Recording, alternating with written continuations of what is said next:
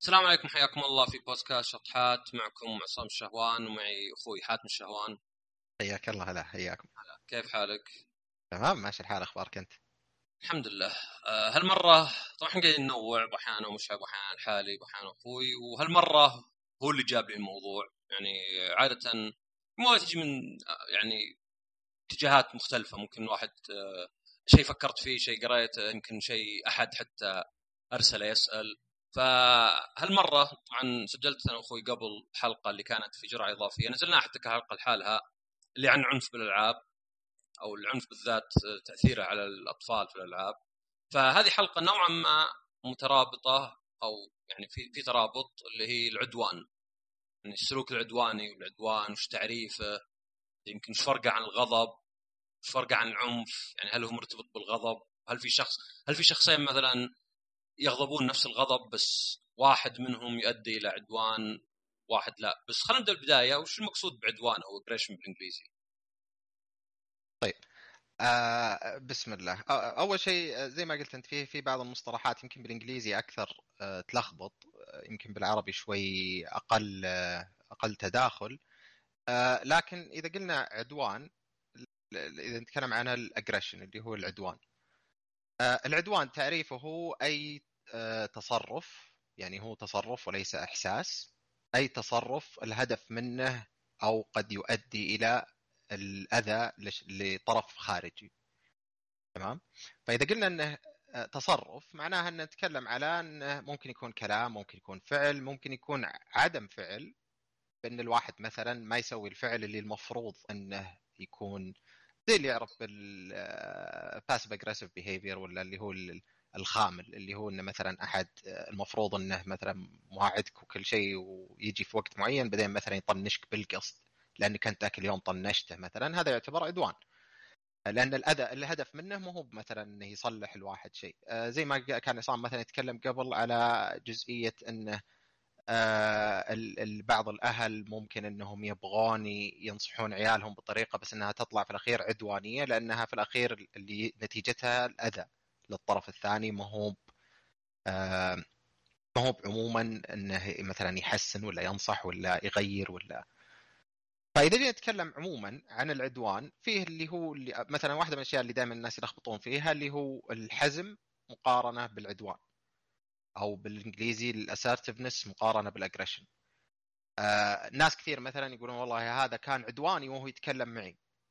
وهو هذاك كان حازم. كان يعني يبغى يوصل لنقطه معينة ما أساء للشخص ما سوى أي شيء مثلا ممكن يؤذي الشخص هذا نفسه. فما نعتبره مثلا أنه عدوان. الحزم غير. الحزم ما في هدف أبد أني أذي الثاني. بينما العدوان عادة يكون النتيجة ولا الهدف الأذى.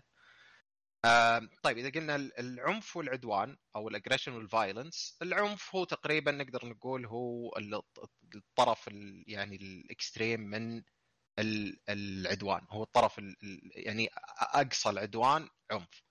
والعنف ممكن يكون عنف لفظي عنف جسدي آه عنف نفسي بأشكال مختلفة يعني.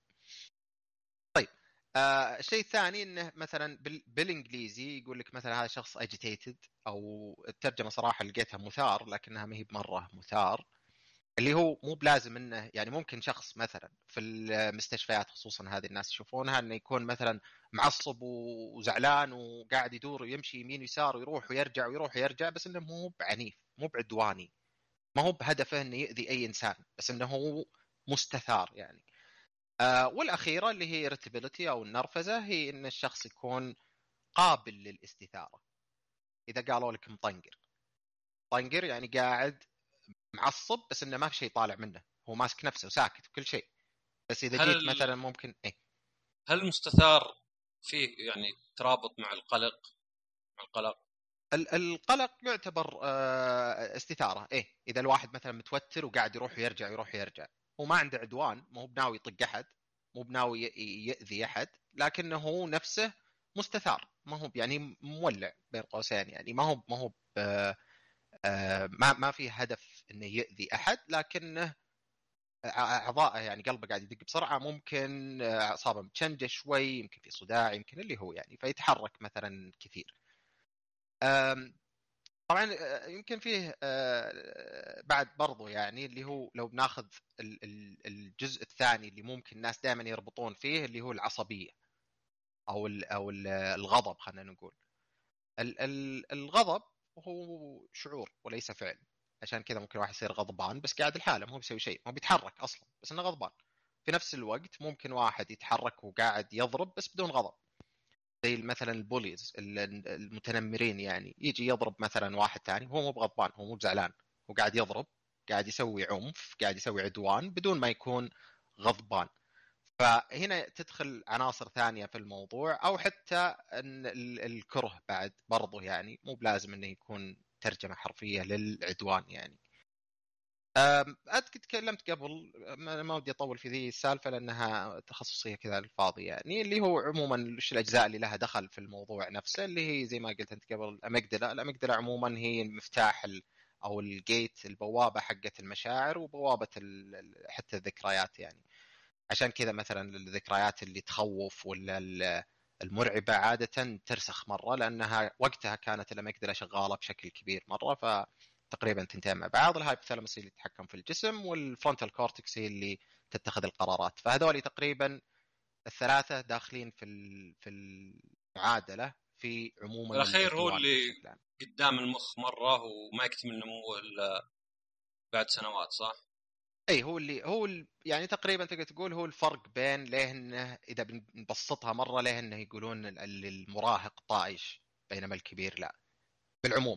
بس معناه مو معناها إن أي مراهق أكثر طيش من أي كبير لأنه في الأخير وش البوتنشل حقه؟ وش اللي بيوصل له؟ وش اللي هذا الشخص أصلا مثلا خلينا نقول يوصل من قدرته على التحكم بالذات ممكن واحد آه، مراهق 50% من قدرة التحكم مثلا خلينا نقول أعلى من واحد بالغ كبير مرة وكل شيء بس إنه هذا اللي الله أعطاه يعني في التحكم. فمو معناها إن المراهقين أقل تحكم من كل الكبار بس إنه عموما لو بنقارن شخص إيه هذه يعني بس إنها تتطور إيه. تشوف أمثلة واجد يعني عن الناس. يعني ما ما تغير واصلا بدايته نفسها يعني آه، يعني الطفوليه يعني قصدي تلقى شخص يعني تشوف ناس تقول هذا أعقل من واحد آه، أكبر منك واجد. بالضبط بس لو ونفس الوقت بس عشان نشرح النقطة دي على السريع انه ذا الكبير نفسه يوم إنه بعمر هذا المراهق كان أقل نضج بواجد مرة. فهي يعني كأنه بس كم عبيت من البطارية ذا 50% من البطارية زي أكبر الطول. من زي الايه الطول. إي زي الطول زي اشياء واجد يعني. واحد عمره 14 أطول من واحد عمره 18 بس ابو 18 كان عمره 14 كان أقصر حتى. بالضبط يعني مو بإنه هذا بالضبط. حلو عجبني مثال الطول هذا ممتاز. الطول آه واضح عند الناس. إيه بالضبط الأشياء اللي محسوسة هي اللي بالعادة اللي تنشاف يعني يا تنشاف يا تحسها هذا هي اللي الناس يميزونها بالعادة. طيب تمام. فالحين بس وضحنا كذا وش نقصد في العدوان؟ اللي ممكن يصير بجميع الأشكال. ممكن يكون عدوان جسدي لفظي نفسي آه، مثلا إهمال الأم لأطفالها يعتبر عدوان. إذا كان بالقصد خصوصا يعني أو إذا كان فيه إنه أنانية ان أنا أهم من آه، الطفل هذا فما علي منه خله خله يصيح ولا ما أدري وشو عشان أنا مثلا آه، أكمل السهرة ولا ما أدري إيش يعتبر إلى حد ما عدوان. آه، على حسب التعريف اللي تكلمنا قبل شوي لأنه هو بيهيفير أدى إلى ضرر أحد ثاني. تصرف. آه تصرف عفوا أدى إلى آذى في أحد ثاني.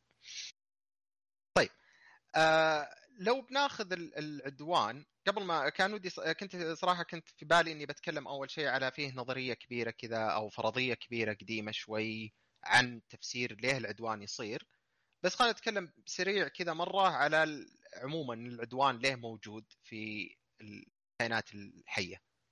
كل جميع أشكال الكائنات الحية موجود وهو شيء غريزي العدوان عموما وبدونه على الأغلب آه، كان المعادلة كلها غير يعني.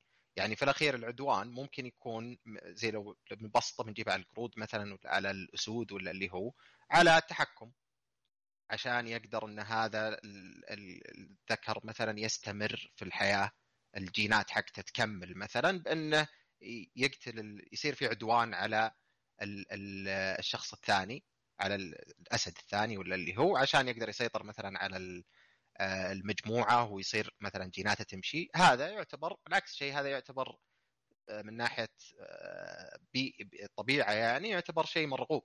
وفي كائنات مثلا انقرضت عشانها ما عندها هذا العدوان ولا عدوانها مختلف وعدوان يختلف باشكال مختلفة. بعض الحيوانات تطلع عدوان الخفي هذا اللي زي مثلا الطاووس إنه يطلع ريشة اللي وراه كله فيه كأنه عيون فتحس بالكائنات الثانية إنه في شيء مختلف. يعني هذا قصدي يعني مو بإنه لازم إنه يكون ضرب عشان يصير عدوان. أم... في كل الحالتين يعني ما يفرق إذا كان اتجاه آه يعني خطر ملموس سواء حقيقي ولا لا.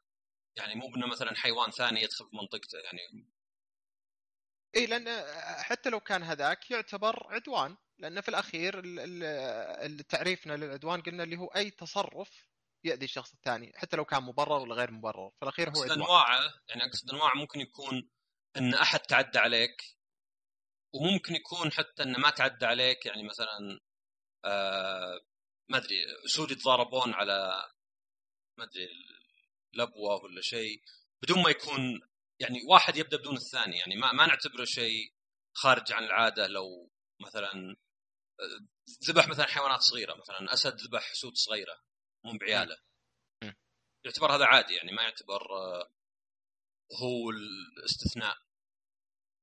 استثناء في جزئية قصدك إنه عدوان؟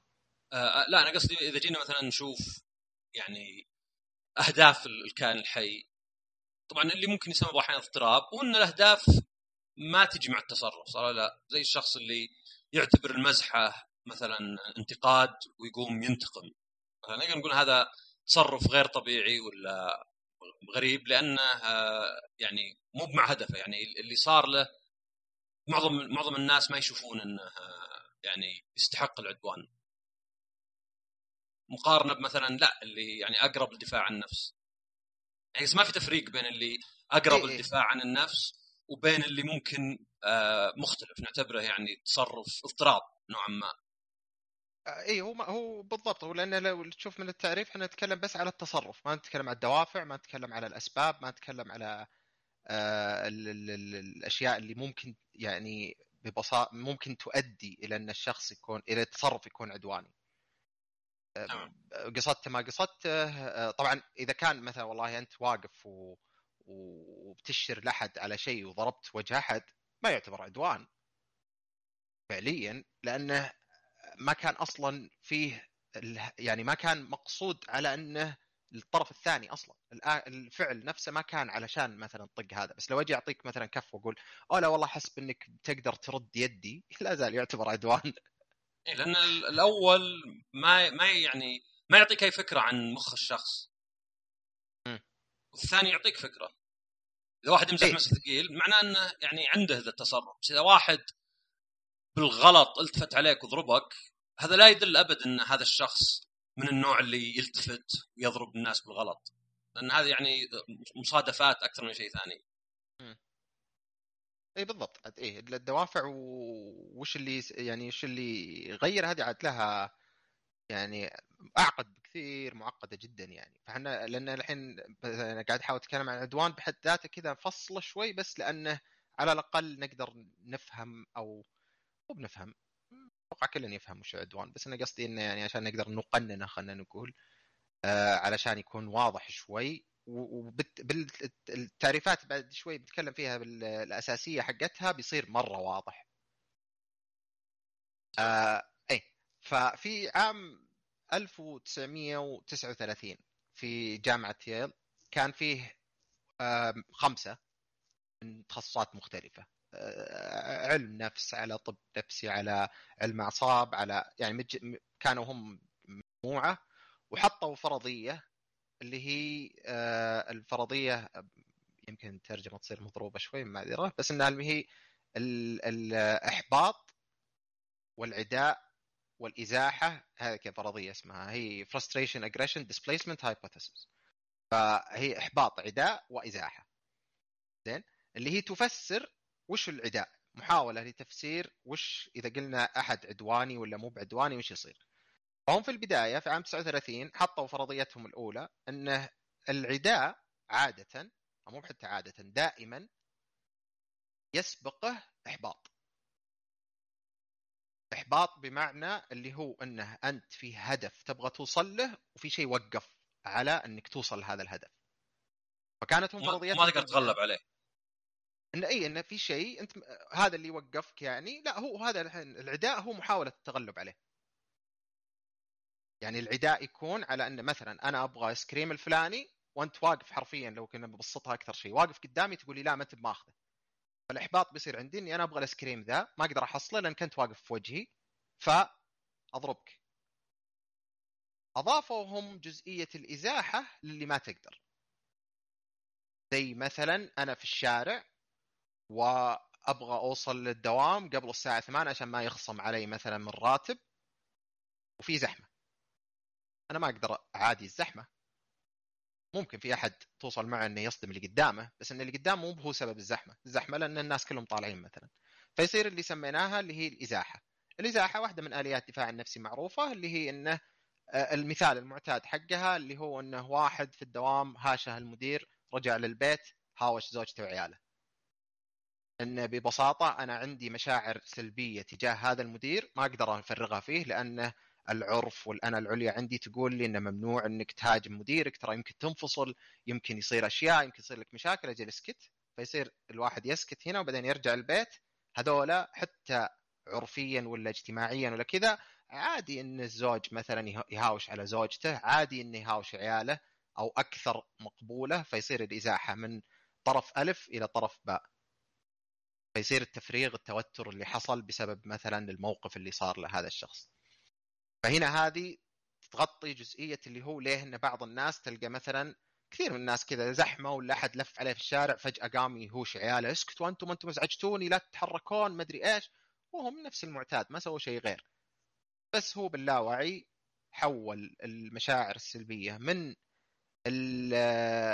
الطرف الثاني اللي هو الشيء اللي ما يقدر يتحكم فيه مثلا مرض آه، عمر وقت فلوس أي سبب ثاني يعني حولها إلى طرف قدامه ويقدر يفرغ فيه بحيث إنه من داخله الصراع يخف يعني.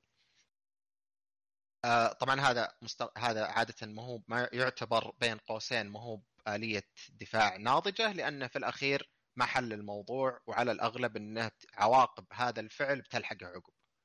والله عياله يصيرون يكرهونه إذا كبروا آه زوجته ممكن مثلا تطلب الطلاق وتتركه ولا اللي هو يعني فما حل الموضوع بشكل ناضج. تو يمكن يحس بالذنب ولا؟ ممكن يحس بالذنب برضو أكيد كثير من اللي إزاحة خصوصا إنه يحس بالذنب لأنه مو يعني مو هو سايكوباث ما هو بشخص ما عنده مشاعر وإنما إنه بس هذا اللي ربي أعطاه في الأخير قدرة على إنه كيف يحور هذه المشاعر عشان ما تنفجر ما تسبب مشاكل داخلية بعدين يعني مستقبلا. فهم في البداية حطوا هذه النظرية. تمام؟ إنه إحباط الشيء اللي يمنعك عن ال- الهدف حقك فأنت تحط آه، أذى في أحد ثاني أو في الشخص اللي يمنعك. بعدها بسنتين كان عليها انتقاد كثير إنه الجزئية إنه مو دائما الإحباط يؤدي إلى عنف ولا إلى عداء عموما في ناس كثير ما هو هذا اللي تو اللي نتكلم عنه المدير حقه مثلا لو إنه رجع للبيت وسكت وما قال شيء وما قام وضاق صدره وما ما تفاعل مع أهله ولا تفاعل مع شيء وبعدين بعد فترة مثلا صار حزين وضايق صدره هذا ما ما سوى عداء يعني نظريا تقدر تقول سوى عداء داخلي لنفسه لكن فعليا ما سوى عداء. فقاموا راجعوا نظريتهم فرضيتهم عفوا وغيروا فيها انه طيب أوكي كل عداء يسبقه إحباط. بس مو بلازم كل إحباط يؤدي إلى عداء. ودخلت عوامل ثانية كثيرة منها مثلا المزاج في وقت الموقف ولا غيره.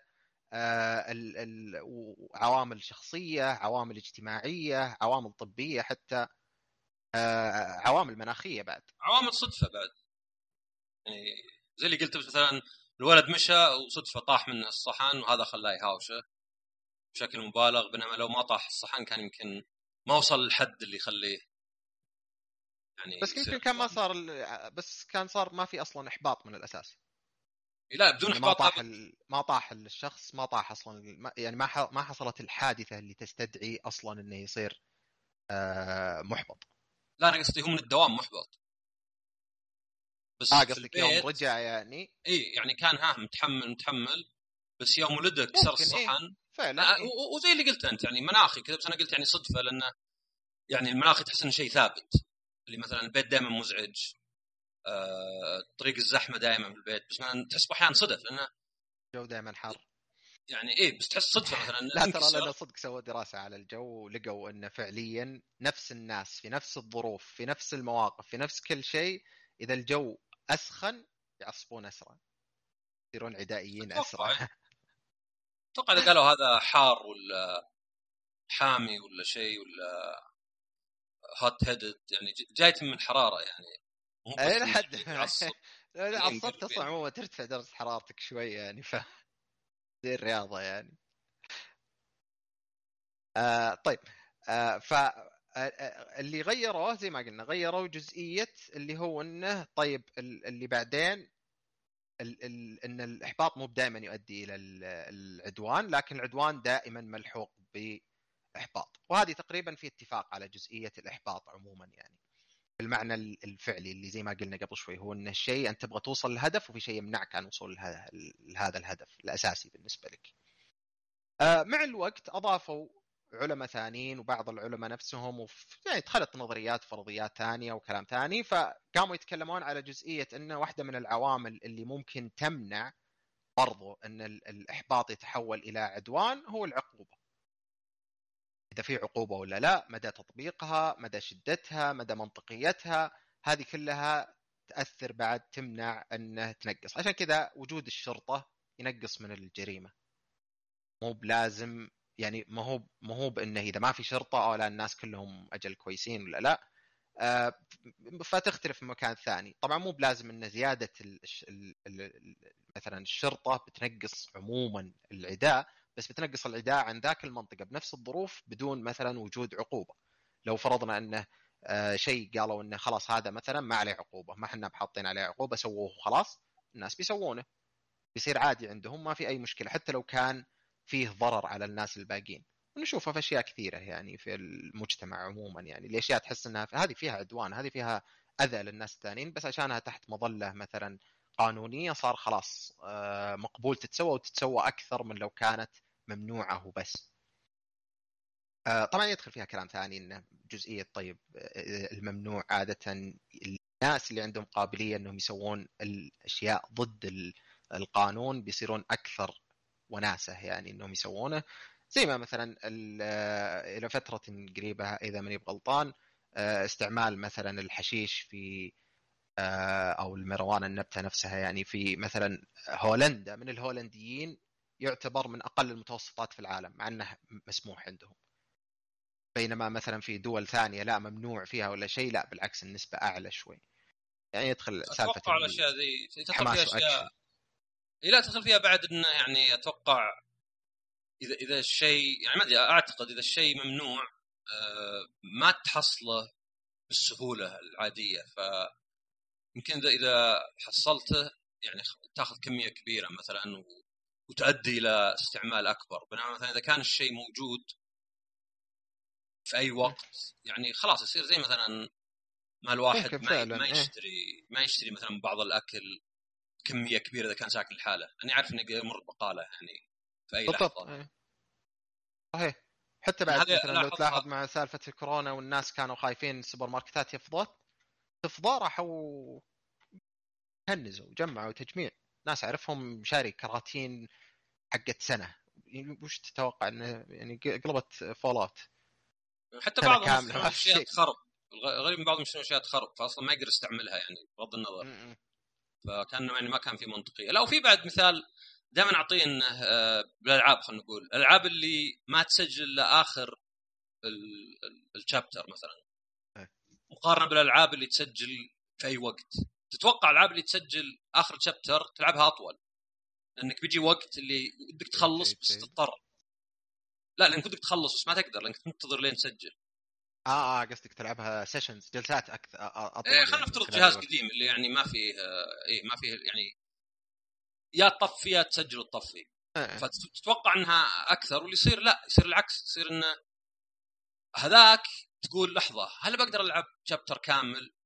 لا لا شكلي يمكن يجيني النوم وتوقف بينما اللي في اي وقت تلقاك تضغط على نفسك لين آخر شيء لين خلاص حول ما تنام فيطلع الوقت إيه، اطول أو حتى مثلا حضور الدوام اللي مثلا محسوب عليك أه طول تقعد أقل من اللي مو محسوب عليك. لأن ذاك اللي محسوب عليك تحس إنه يعني قايسها انت كلها. أنا جيت سبع ونص بمشي ثنتين ونص ماني بقاعد زيادة ليه؟ بس اللي مفتوح ما نحسب عليك الحضور ولا الانصراف.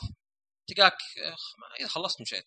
إيه صدق ف- فتجي أحيانا عكسية يعني إيه الشيء الممنوع يعني التفسير ممنوع مرغوب ما هو بشرط إنه صدق إذا منعت شيء ترى ينرغب.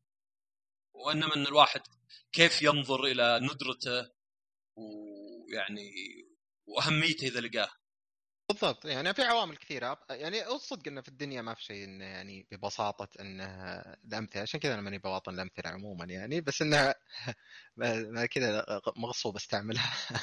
لكن المثال المثال لأني أنا من الناس اللي لا لا لا مو الأمثلة. أمثلة زي كذا. قصدي الأمثال. اي هي الأمثلة أنا متى استخدمها؟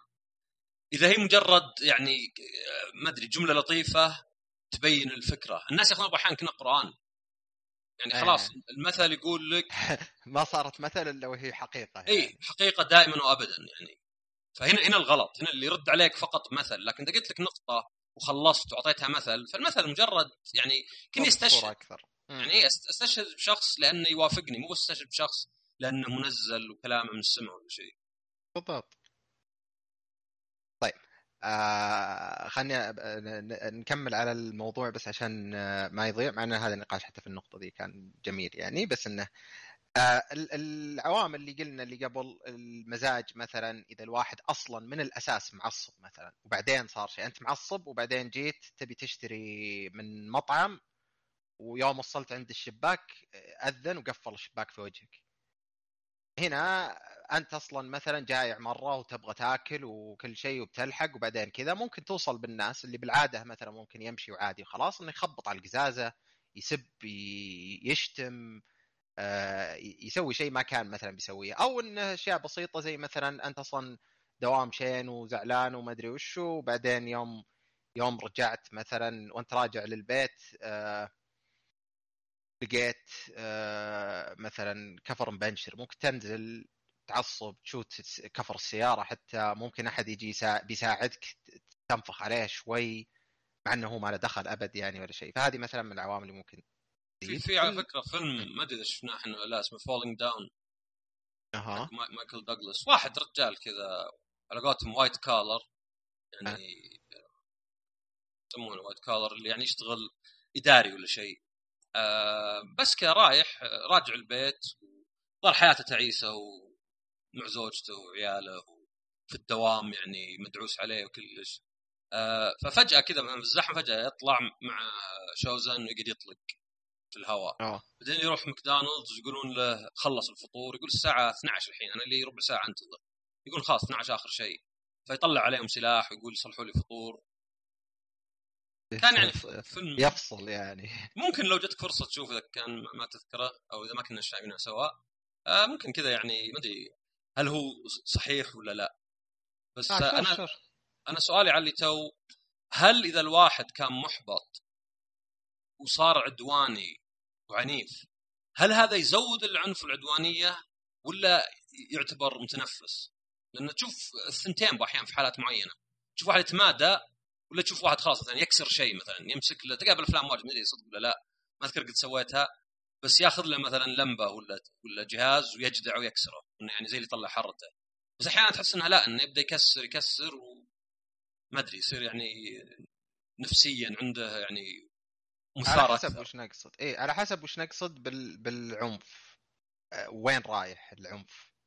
يعني في واحدة من آليات دفاع الن- ال- ال- ال- النفسية آه إنه الشخص مثلا الشخص عنيف هو خلقه عنيف. زين وعنده عوامل العنف زي مثلا مايك تايسون شخص عنيف وعنده عوامل العنف من الأساس وحياته صعبة وفيه مشاكل واجد ممكن تزيد احتمالية إنه عنيف قام حطها حورها إلى شيء مقبول اجتماعيا وكل شيء بأنه يصير ملاكم.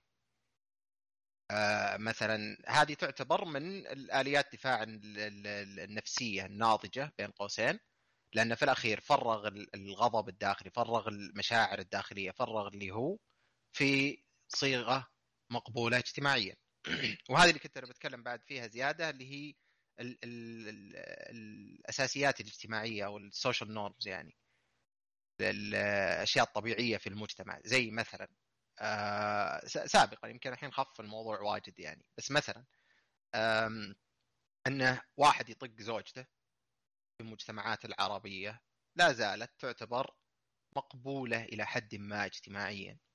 خفت واجد الحمد لله هذا شيء كويس بس إنها لا زالت موجودة يعني. آه عشان كذا تلاحظ مثلا تركيز من القانون وكذا على عقوبات أكبر وعلى أشياء أكبر. آه مثلا لو نتكلم على الأشياء العكسية عكس مثلا واحدة تطق زوجها يعتبر شيء عادي مرة. يعتبر بالعكس يعني بعض الناس يعني يعتبرونها إنها مسكينة ولا ما أدري إيش مع إنه ضرب. في بعض الناس ممكن يضربون حتى بأدوات حادة بأشياء حادة لكنها لا زالت تعتبر عادي إنه والله هي تعصب وضربته رجال يتحمل مثلا. فهذا الشيء يغذي العدوان اللي ممكن يصير في بعض المواقف وفي بعض الأشياء اللي اجتماعيه يعني تخلي الشخص نفسه لو بنتكلم عن الشخص نفسه ممكن يصير أكثر قابلية للعدوان. إذا والله هو متعود في بيتهم آه، أبوه يكفخ أمه ويكفخ خواته وكذا خلاص يصير عنده إنه هذا الشيء العادي هذا اللي تربى عليه هذا اللي هو متعوده وهذا الشيء المقبول. العقوبة نفس الشيء قلنا. آه، داخلة في الموضوع بعد نفس نفس الشكل. في كم يعني في كم دراسة كذا سريعة بذكرها يعني تحاول تقيم هذه النقطة زيادة. فكانوا يتكلمون على أنه إذا الشخص أحبط سبب الإحباط بعد يفرق. وش اللي أحبطك؟ كانوا يتكلمون أول شيء على جزء أنه إذا كان سبب الإحباط مبرر ولا غير مبرر؟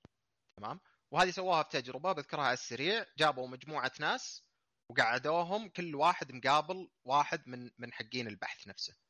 تمام؟ وعلى أساس إنهم يصلحون كلهم يصلحون أوريجامي الفن الورق تصفيط الورق هذا الياباني. آه يذكر إنه ما هو ترى ياباني صدق بس إنه المهم بس هذه ما أدري عنها بصراحة. آه من الصين. لأن يعني كان أصلا نجيب واجد أشياء من الصين. عن طريق كوريا. ف... آه بعد خذ عن طريق كوريا. لفة طويلة بعد. آه فكانوا إنه آه إنه إن اللي يجي كذا هي الخطة حقت البحث. إنه يجي يدخل في ثلاث مجموعات ناس.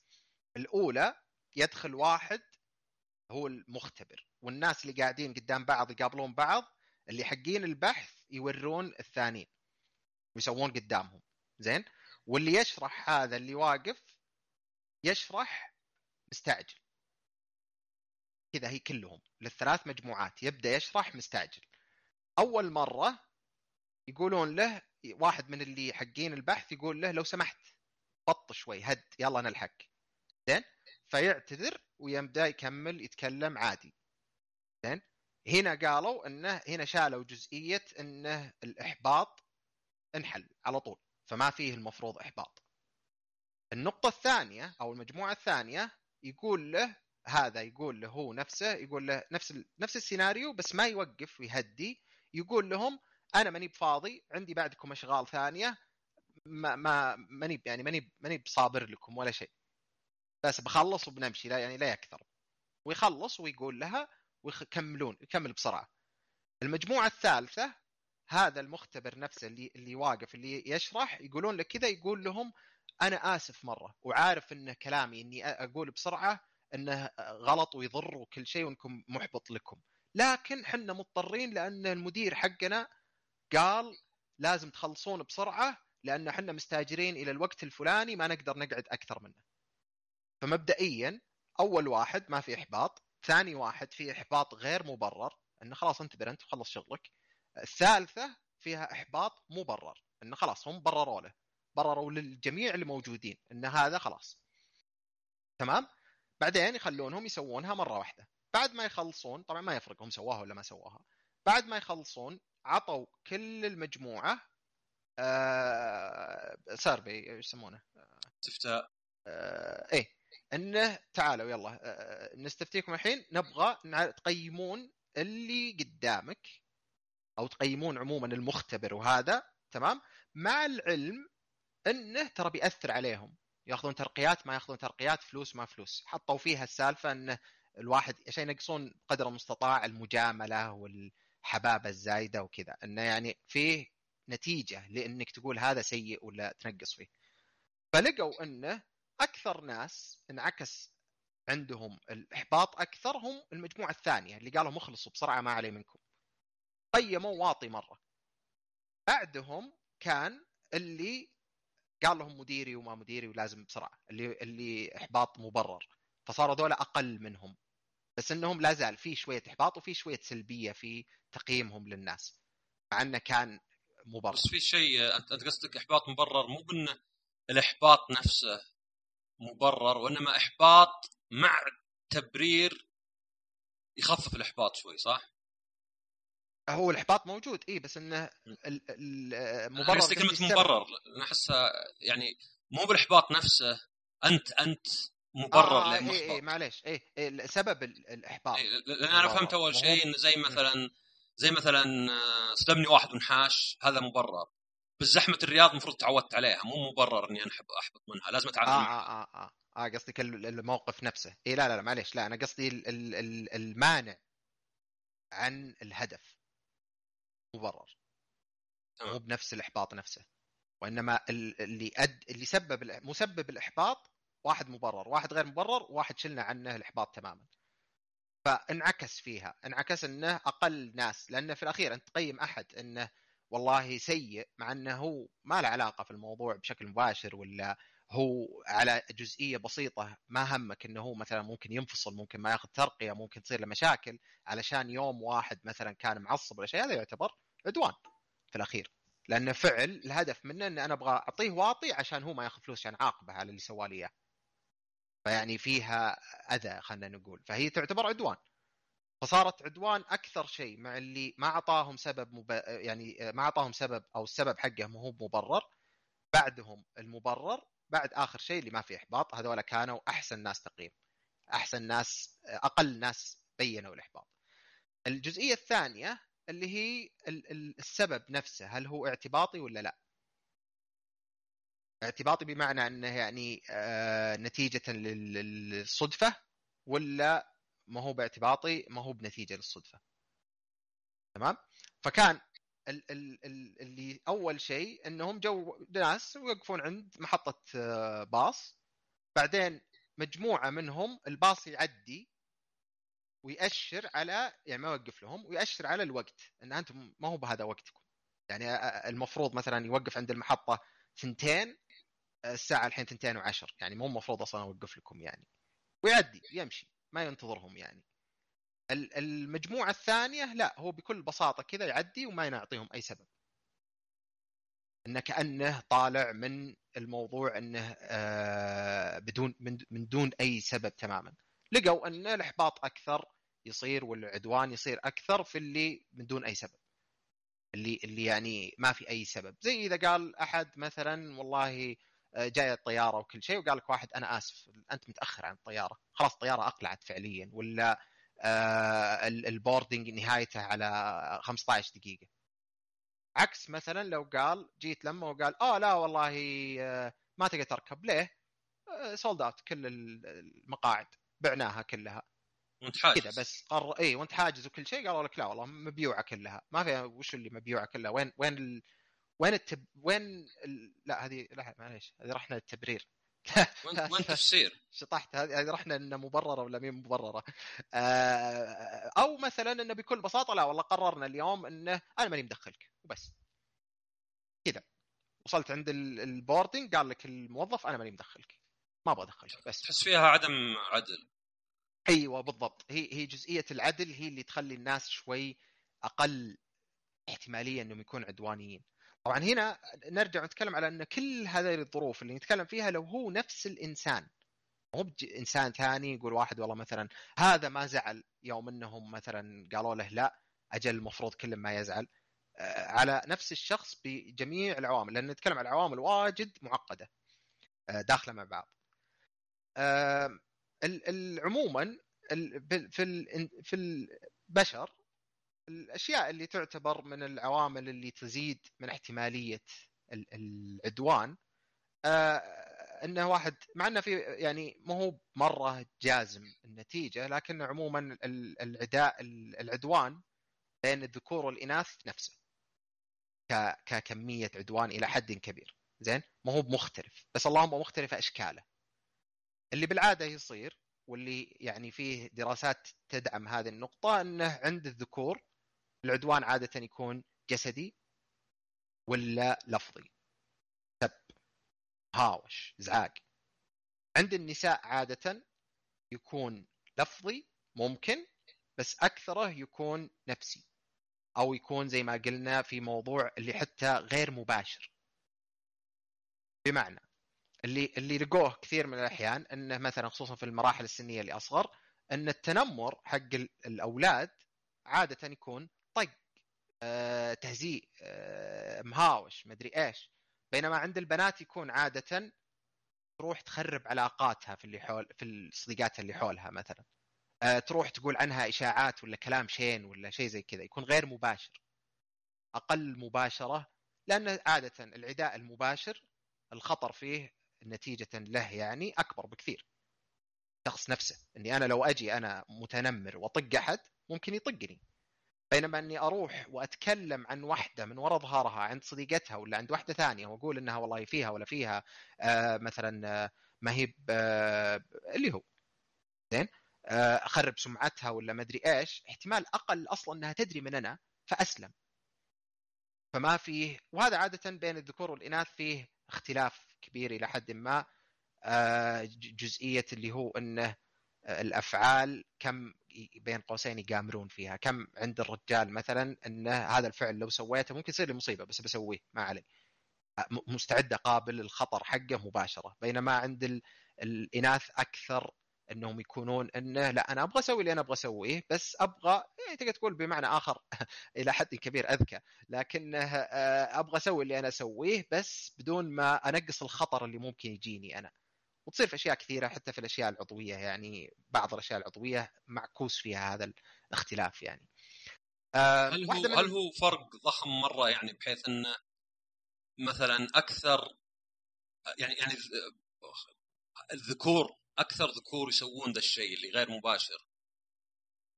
هل هم لا زالوا يختلفون عن النساء؟ ولا يعني فيه overlap يعني إلى إيه، حد كبير؟ لا لا لا في overlap طبعا. يعني مو أو اللي هو overlap يعني إيه هذا هذا القصد تداخل يعني. اي لأن الواحد دائما يسمع ذا في فرق بين الفروقات واحيانا بين المجموعات تكون أكبر من داخل المجموعة واحيانا دا غالبا داخل المجموعة أكبر من بين المجموعات. يعني معنى آخر البشرة بين السود والبيض الفرق بين أي اسود وابيض غالبا أكبر على بعض متوسط من متوسط فرق أبيض أبيض وأغمق واحد نسميه أبيض. وطبعا واحدة منها لأن أصلا التعريف نفسه يعتمد على اللون. بالضبط بينما مثلا الطول لا مثلا لو تقول لي والله الهولنديين واليابانيين كم stereotype ين على القصر تلقى المتوسط فيه 10 سم فرق. لكن آه يعني أطراف الأرقام ممكن تطلع أكبر بكثير. إي لو تأخذ ياباني وسويدي عشوائي غالبا 50 50 من أطول. يبي لك 5000 مرة عشان يطلع الفرق. لا النسبة تصير أكثر.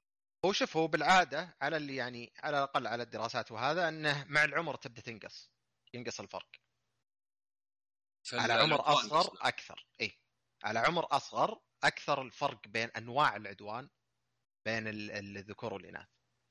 مع العمر تبدأ الفرق بينهم وش يستعملون يعني يبدأ يخف يخف يخف شوي شوي. جزء كبير من الموضوع تفسير على الأقل مبرر أنه زي ما أي أحد عنده طفل أو حوله طفل يدري أنه البنات عادة يوصلون مراحل النمو أسرع. يبدون يتكلمون قبل يبدون يمشون قبل. هل هو لو بتأخذها من ناحية يعني فلسفية بزيادة هل هو هذا أصلا صار لأنهم أضعف جسديا فلازم يطورون مهارات ثانية عشان أصلا يقدرون أنهم يدافعون عن نفسهم أو يستعملون جزئية العدوان أو أن العكس أنهم هم أسرع. عشان كذا صار عدوانهم بهذا الشكل. الله أعلم. لكن الأقرب قد يكون إنه هم كذا فصاروا يستعملون العدوان اللفظي أكثر. اللي اللي من عاد اللفظي إنه من وراء لورا ولا لفظي أكثر يمكن من جزئية إنه لأنه آه مختلف يعني لأنهم يقدرون يتكلمون أبكر يعني. آه فيه النقطة اللي دائما الناس يذكرونها في جزئية العدوان عموما اللي هي اللي يسمونها إمعية. آه، هذه هذه ترجمتها عاد هذا اللي لقيته. طيب آه، اللي هو اللي تصير في عنف الحشود. إن الواحد يبدأ يفقد هويته كفرد ويصير كأنه مجموعة. عشان كذا مثلا ممكن إن مجموعة كبيرة تروح وتسرق وتكسر وتسوي وتسوي وتسوي لو إن هذا الشخص كل واحد لحاله كان ما سوى هذا الشيء. بس لأني مع مجموعة وكلنا نسويه يعطيني مبرر إنه عادي إني أسويه. فممكن إن مجموعة مثلا يتجمعون على واحدة ويضربونها.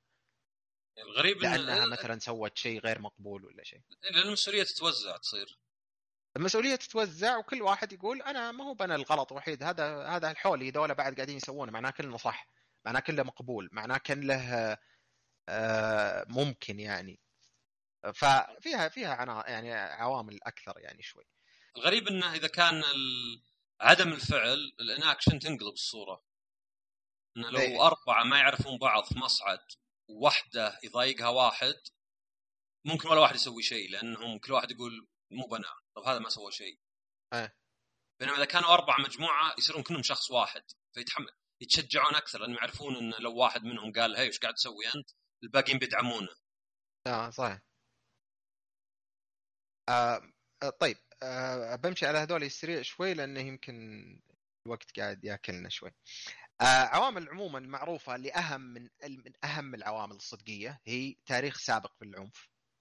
تمام؟ أي أحد عنيف من قبل هذه واحدة من المؤشرات إنه ممكن يكون فيه آه، عنف أو عدوان حتى يعني لأن زي ما قلنا العنف هو أقصى درجات العدوان. فممكن التاريخ السابق تربية آه، صعبة آه، طفولة صعبة إنه يكون ضحية سابقا أكثر احتمالية إنه يكون عدواني أك... إذا كبر. العنف الجسدي العنف إن الواحد يشوف عنف أصلا وهو في الطفولة مثلا أبوه دائما عنيف ولا أمه عنيفة ولا واحد من إخوانه عنيف أو شيء زي كذا تقريبا أكثر من 50 إلى 60% من حالات العنف مو بالعدوان يكون فيها تعاطي. تعاطي ماني بتكلم إدمان بتكلم تعاطي. حتى لو مرة واحدة في حياتك شربت وبعدين احتمالية إنك تصير عدواني أكثر من أنت نفسك بدون مثلا ما تشرب. درجة حرارة زي ما قلنا آه، فيه آه، درجة قلنا درجة حرارة قلنا آه، تقريبا هذه يعني أهمها. في عوامل كثيرة كثيرة كثيرة مرة في المركز اللي هو ال CDC Center for Disease Control اللي هو المركز التحكم بالأمراض أو ما أدري إذا هذه ترجمتها مضبوطة ولا لا بس إنه عموما في أمريكا يعني اللي يشوف اللي تقريبا إحصائيات كلها عندهم وكل شيء حاطين لستة وش طولها في الأشياء اللي ممكن التنمر الأذى آه، ما حطوا فيها لأن هذه أشياء لازم تكون ذاتها العلمي أكبر ما حطوا فيها آه، مشاهدة آه، الأفلام العنيفة أو الألعاب العنيفة لأن لا زال فيها جدل يعني على وش اللي ممكن يصير وهذا يدخلنا على الجزئية الثانية اللي هي تقريبا جزء كبير كبير مرة من الكلام اللي يدور على العنف في في التلفزيون وفي الأفلام وفي المسلسلات وفي الألعاب وفي المدري إيش وفي كل هذا مبني على جزء من هذا الموضوع. هذا عالم طيب اسمه بندورا في عام 1961 قرر يسوي تجربة. تجربته إذا تعرفون آه على الأغلب إنها ما, ما هي مرة معروفة لأنها قديمة بس في لعبة دمية اسمها بوبو بوبو دول. البوبو دول هذه هي اللي يمكن قد شفتوا منها أنواع ثانية مختلفة اللي هي زي البالون وله وزن تحت تدفه يقف وهو الهدف منه أصلا اللعبة ذي إنه تدفه ويقف تدفه ويقف يعني كأنه كأنه قزازة كبيرة ولا شيء ومركزها ثقيل. يوقف مستقيم ومهما دفيته وقف. أتوقع أي أحد عنده طفل بيعرفه. فهو كان عنده هذه التجربة تجربة معروفة مرة اسمها بوبو دول إكسبيرمنت. آه هذا كان عنده أربع فرضيات هو. يوم جاي يسوي التجربة. إنه آه أو خلينا أول شيء نقول التجربة بعدين نقول الفرضيات. التجربة حقته ببساطة إنه هو كان جاء جمع أطفال تقريبا عام 1961 هذه جمع أطفال تقريبا عددهم كان آه 72 وقسمهم ثلاث مجموعات. أعمارهم بين ثلاث إلى ست سنين كلهم آه، أطفال لطلاب من جامعة ستانفورد. جمعهم وحطهم مع بعض. جو حط مجموعة 24 واحد و24 للموضوع بشكل ثاني و24 هذا الكنترول حقه. هذا عشان بس يفترض فيه يعرف كل شيء. هذول اللي بالعادة في الأبحاث كلها هذا تسوى عشان نقيس وش اللي المفروض إنه طبيعي هذاك اللي يصير ما, ما يصير عليهم تدخل. ال 24 مجموعتين اللي قسمهم هم طبعا كل المجموعات عدد متساوي من البنات والعيال. ما هم يعني ما ما في اختلافات بينهم وتوزيع عشوائي كان بين المجموعات. فهو جاب 24 طفل.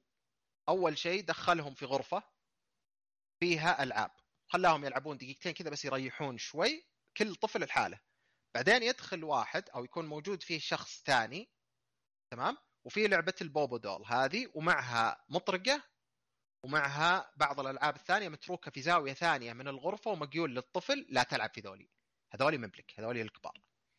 فيدخل الطفل يقعد يلعب أول شيء الالعاب حقته بعدين يدخلون عليه ويورونه هذا. هذا يدخل يختلفون. واحد منهم يقعد يلعب مع كل الألعاب حتى مع البوبو دول هذه يلعب معها عادي بدون ما يكون عنيف. المجموعة الثانية يصير عنيف ويضرب ال ال ال الدول هذه يضربها يضربها بالمطرقة ويسبها في نفس الوقت. ويقول مثلا شتها اضربها شتها اضربها ويقعد يكمل يضربها تقريبا مدة طويلة يعني. وحتى المختبرين ذولا نوعوا بين إنهم يكونون رجال ولا حريم أو عفوا رجال أو نساء. زين؟ على أساس يشوفون؟ لا لأن حرمة كلمة مسيئة صراحة بس ما لها داعي يعني شوي. ما أدري مستخدمة بالعربي يعني. ما أدري أنا فاهم مستخدمه بالعربي لأنها بس إنها القصد فيها إنها عيب الذكر اللي معها فعشان كذا فيها إساءة يعني انت حرمة. أذكر أذكر في لغوي أو لغوية تكلمت وقالت إنه يعني لا إن هذا ما هو يعني عموما موضوع على الأقل على الأقل connotation اللي جت ورا كلمة حرمة إنها اي يعني أص... أصلها أصلها. اي أصلها أي. لا إنها ما هي يعني حريم رجال.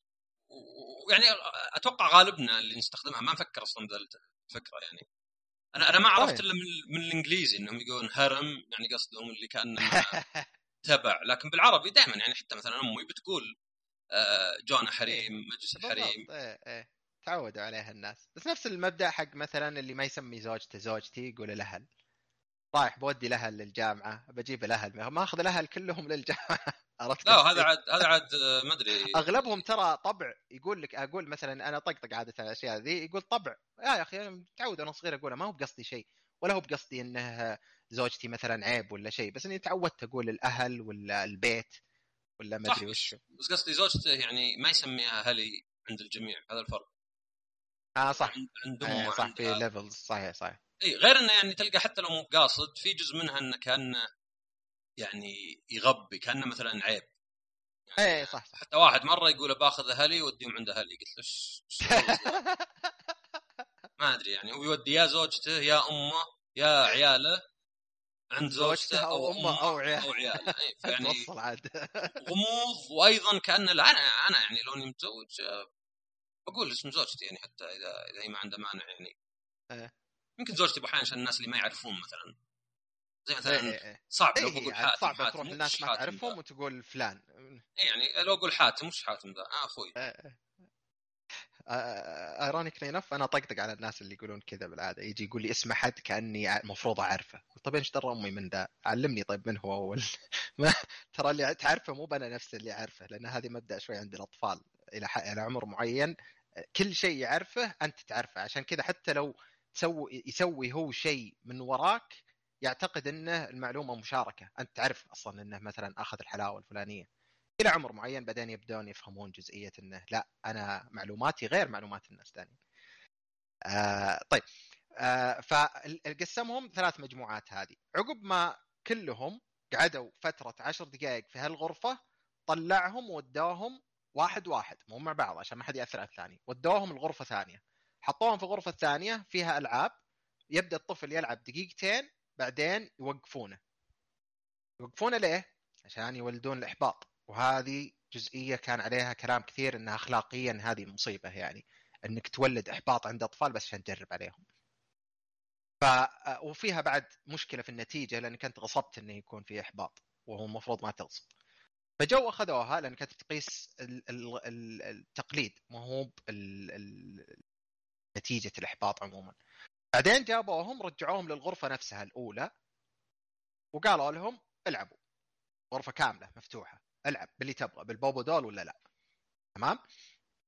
اللي لقوا انه نتيجة هذا البحث الأولي أو الدراسة الأولية لقوا انه الأطفال اللي كانوا في الكنترول في مجموعة التحكم حقتنا عشان نعرف بالضبط وش الطبيعي يعني ما ما ما يعني ما سووا شيء اللي سووه الباقيين بأنهم راحوا لل Bobo doll وصاروا عنيفين معه بزيادة. طقوا. طقوا ال Bobo doll لانها ال Bobo doll أصلا مصلحه إنها تنطق. بس إنها ما كانت بنفس العنف ولا كانت بنفس الشكل. بعدين المجموعة اللي كانت آه، بدون عنف كانوا زي ال زي ال يعني ما كان فيه عنف في ال- الغرفة ولا شيء كانوا زي ال control ما فرقوا. اللي شافوا واحد ما هو قاعد يعنف هذه البوبو دول كانوا زي المجموعة الأولى ما فرقت المجموعة اللي شافت ال- العنف اللي طلعوا فيه إنه طلعوا عنف أكثر. كرقم عدد مرات لأنه كان فيه واحد قاعد ويحسب كم مرة يطقون البوبو دول وكم مرة يهاوش على البوبو دول ويحاول يحسبها آه فيوم خلصت لقوا إنه اللي اللي طلعت هم يبغون يشوفون زي ما قلنا المعايير. كم عدد مرات الضرب؟ كم عدد مرات السب؟ كم مرة الطفل استعمل المطرقة في شيء مختلف؟ مو هو باللي شافه. أخذ المطرقة وصلح شيء عنيف. غير الضرب. المباشر للبوبو دول هذه أو كذا. لقوا أنه ال ال في المجموعة اللي فيها عنف أكثر من الباقيين. وبمسا بنسبة يعني معقولة. تمام؟ لقوا أنه ال- البنات أكثر آه، لفظي. الأولاد أكثر جسدي يعني أكثر كانوا يض- يضربون البنات كانوا أكثر يسبون. طيب الغريبة أن الأولاد اللي تعرضوا شافوا آه، آه، ال ال الأنثى تطق بالمطرقة كانوا أكثر من ال ال ال ال المتحكم. ال- مو باللي تضرب المطرقة عفوا اللي ما كانت تضرب. المجموعة الثانية المجموعة اللي كان فيها ما في عنف بس هو دخل الطفل وفيه بنت حرمة أنثى نبغى نسميها فيميل واقفة وتلعب بس ما هي بتطق حتى ال- البوبو دول. هذولا طقوا أكثر من اللي ما كانت موجود كان معهم رجال. شيء غريب هم يعني هم ذكور. يعني. وهم هم أولاد إيه ذكور. مع إنها هي كانت تلعب بس بس هذا يدلك إنه يمكن في إحباطات ثانية. هذه فرويد يعطينا عنها رأي أحسن. مو بالعكس تقول مثلا واللي فاهم يفهم. ها؟ إيه، مو بالعكس اللي تقول مثلا يبغى يبغى يعني مو إيش يسمونها؟ يثير إعجاب مثلا الث- الثاني. يعني إذا كان صغير غالبا أو ما أدري يعني قصدي اذا واحد كبير ممكن تفهم إنه واحد بيثير إعجاب الجنس الآخر. إذا كان صغير يعني ما أتوقع تفرق معه و- وإذا كان آه، تسأل فرويد بيقول لك رأي ثاني. إيه لا خليك. فرويد يقول لك تفرق معه من يوم ما. تنولد. ف... لا هو معه حق في بعض الأمور يعني في هذه حتى يعني إلى حد واجد حسب واجد مو مو تفسرها. باختبارات يعني أحس إنه واجد شيء جاء في المنام. هو؟ والله منامه. صراحة ممتاز مرة يعني الرجال يشهد له بال بالمخ النظيف جدا يعني. لا بس عليه يعني أشياء واجد يعني. هو هين هو في الاخير إنسان يصيب ويغلط ويقول أشياء عبيطة ويقول أشياء غريبة. ثقتك. إذا كانت ثقتك بنفسك كبيرة بدون إثباتات تحس إي يعني هين هو كان. نرجسي بشكل ضخم مرة يعني. يعني إذا كان واحد خربها في الأخير آه، كوكايين وذا مع إن الكوكايين وقتها كان مسموح فيه في الصيدليات. كانوا حتى إيه. يسووا له دعاية إنه خذي حبة كوكايين عشان الصداع لأنك حامل. ما تدري وين تدخلها هي سالفة إيه، التعود الإدمان ولا الطفل ولا؟ الهيروين منتج من باير نفس حقين اسبرين yes yes. وعلى إنه يعني heroine بطلة بس شالوا ال E الأخيرة. صدق؟ إيه كان يقول في دعايات على ويكيبيديا تلقى دعاية من عام 27 أنا الظاهر. حلو. لا ويقول كنا يعني أقل أضرار أ- امن من ال- الافيون إيه، يعني هذا الدعاية كذا في ف- نفسك وما أنت تروح تاخذ فيون. ما أنسى دعاية الشطحات اللي شطحنا بزيادة بس ما أنسى دعاية الأسبستس. اللي واحد كذا واقف وراه مزارع الأسبستس ويقول تفضلوا هذه أحسن شيء. اللي بعدين اكتشف إن الأسبستس بنسبة كبيرة مرة يسبب سرطان للغشاء الرئوي اللي هو العازل اللي في الجدران كان. عازل الجدران اللي كان موجود في برج التجارة اللي سبب مشاكل عقب ما طاحت برج طاحوا البرجين وبعد يعني سوى تلوث في المنطقة اللي حولها وزود نسب السرطان اللي جت لل حقين الإغاثة اللي كانوا موجودين. واو واو واو آه طيب. فهذه سوى هو التجربة أول مرة. تمام؟ هذه كانت تجربته الأولى. بعدين آه كان فيه كلام يعني. طبعا ال- ال- النقد على هذه أشياء كثيرة مرة مرة مرة مرة على البحث هذا. آه بس خلونا أول شيء نروح للتجربة الثانية لأنها بس تقريبا نفس الشيء وزود غير شوي. إنه في عام 63 جاء وعرضهم نفسهم لعنف بثلاث أشكال. آه مسجل. عرض مشاهده عنف. آه اي عفوا اي والله يعني مشاهدة العنف عنف يعتبر إلى حد ما. بس آه. غير- مباشرة يعني شوي. اي اي إي. هو وراهم آه، عنف مسجل. نفس البوبو دول ذي بس إنه مسجل على تلفزيون يعني يشوفونه. وراهم كرتون مرسوم.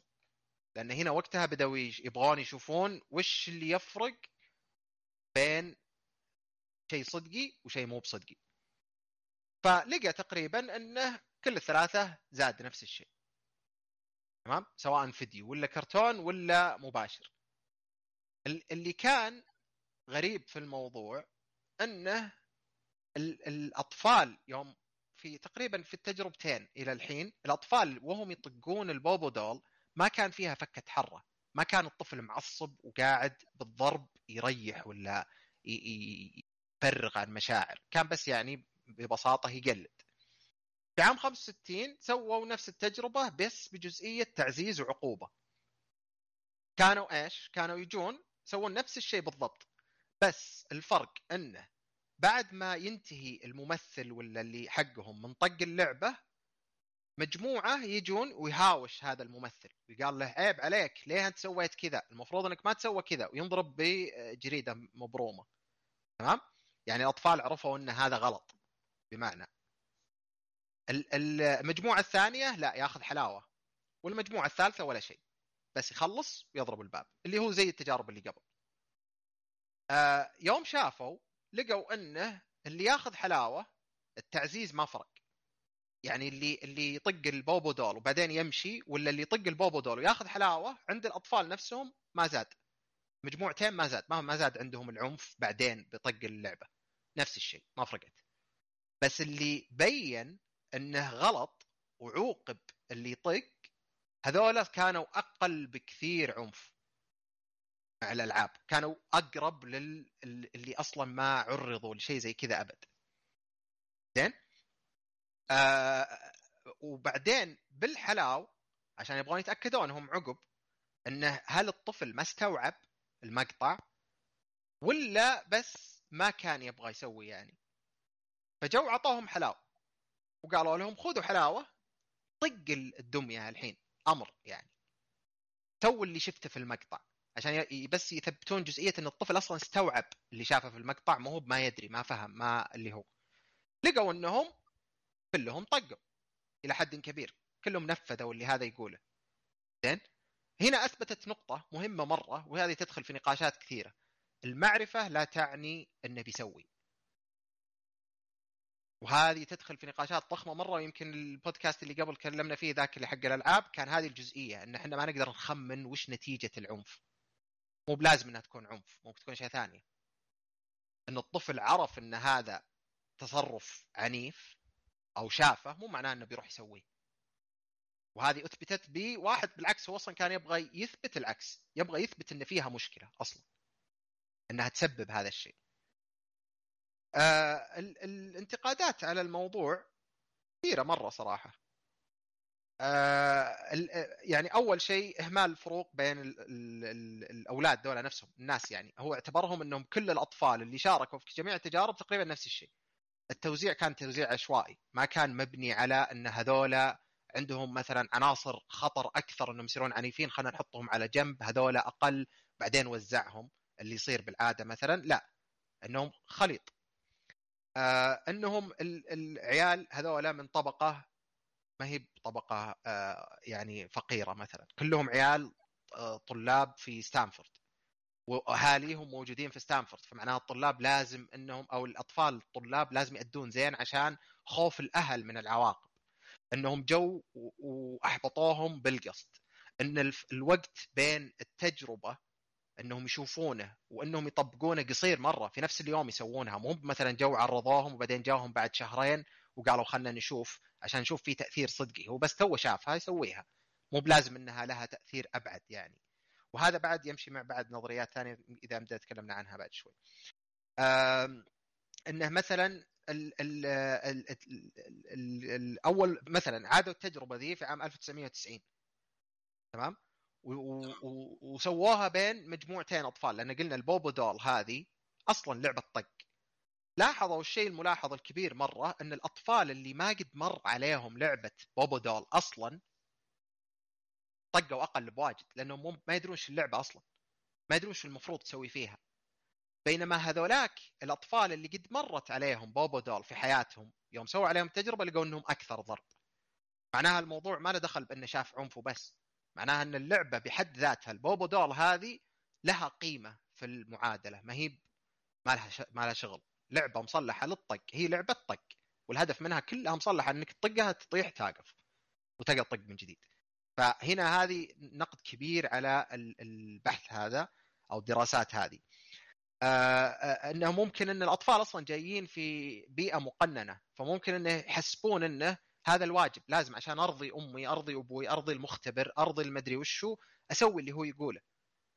الاحتمال لو أحط أحد في غرفة وأقول له بتسوي تجربة وأحطه في غرفة ممكن يلقى مليون ألف تفسير اللي هو ليه قاعد في الغرفة يحسبها من التجربة ويقعد مخه ما عاد صار طبيعي يعني صار الموضوع على أساس إني أنا في تجربة لازم أسوي أشياء تدل على هذا الموضوع أو شيء زي كذا.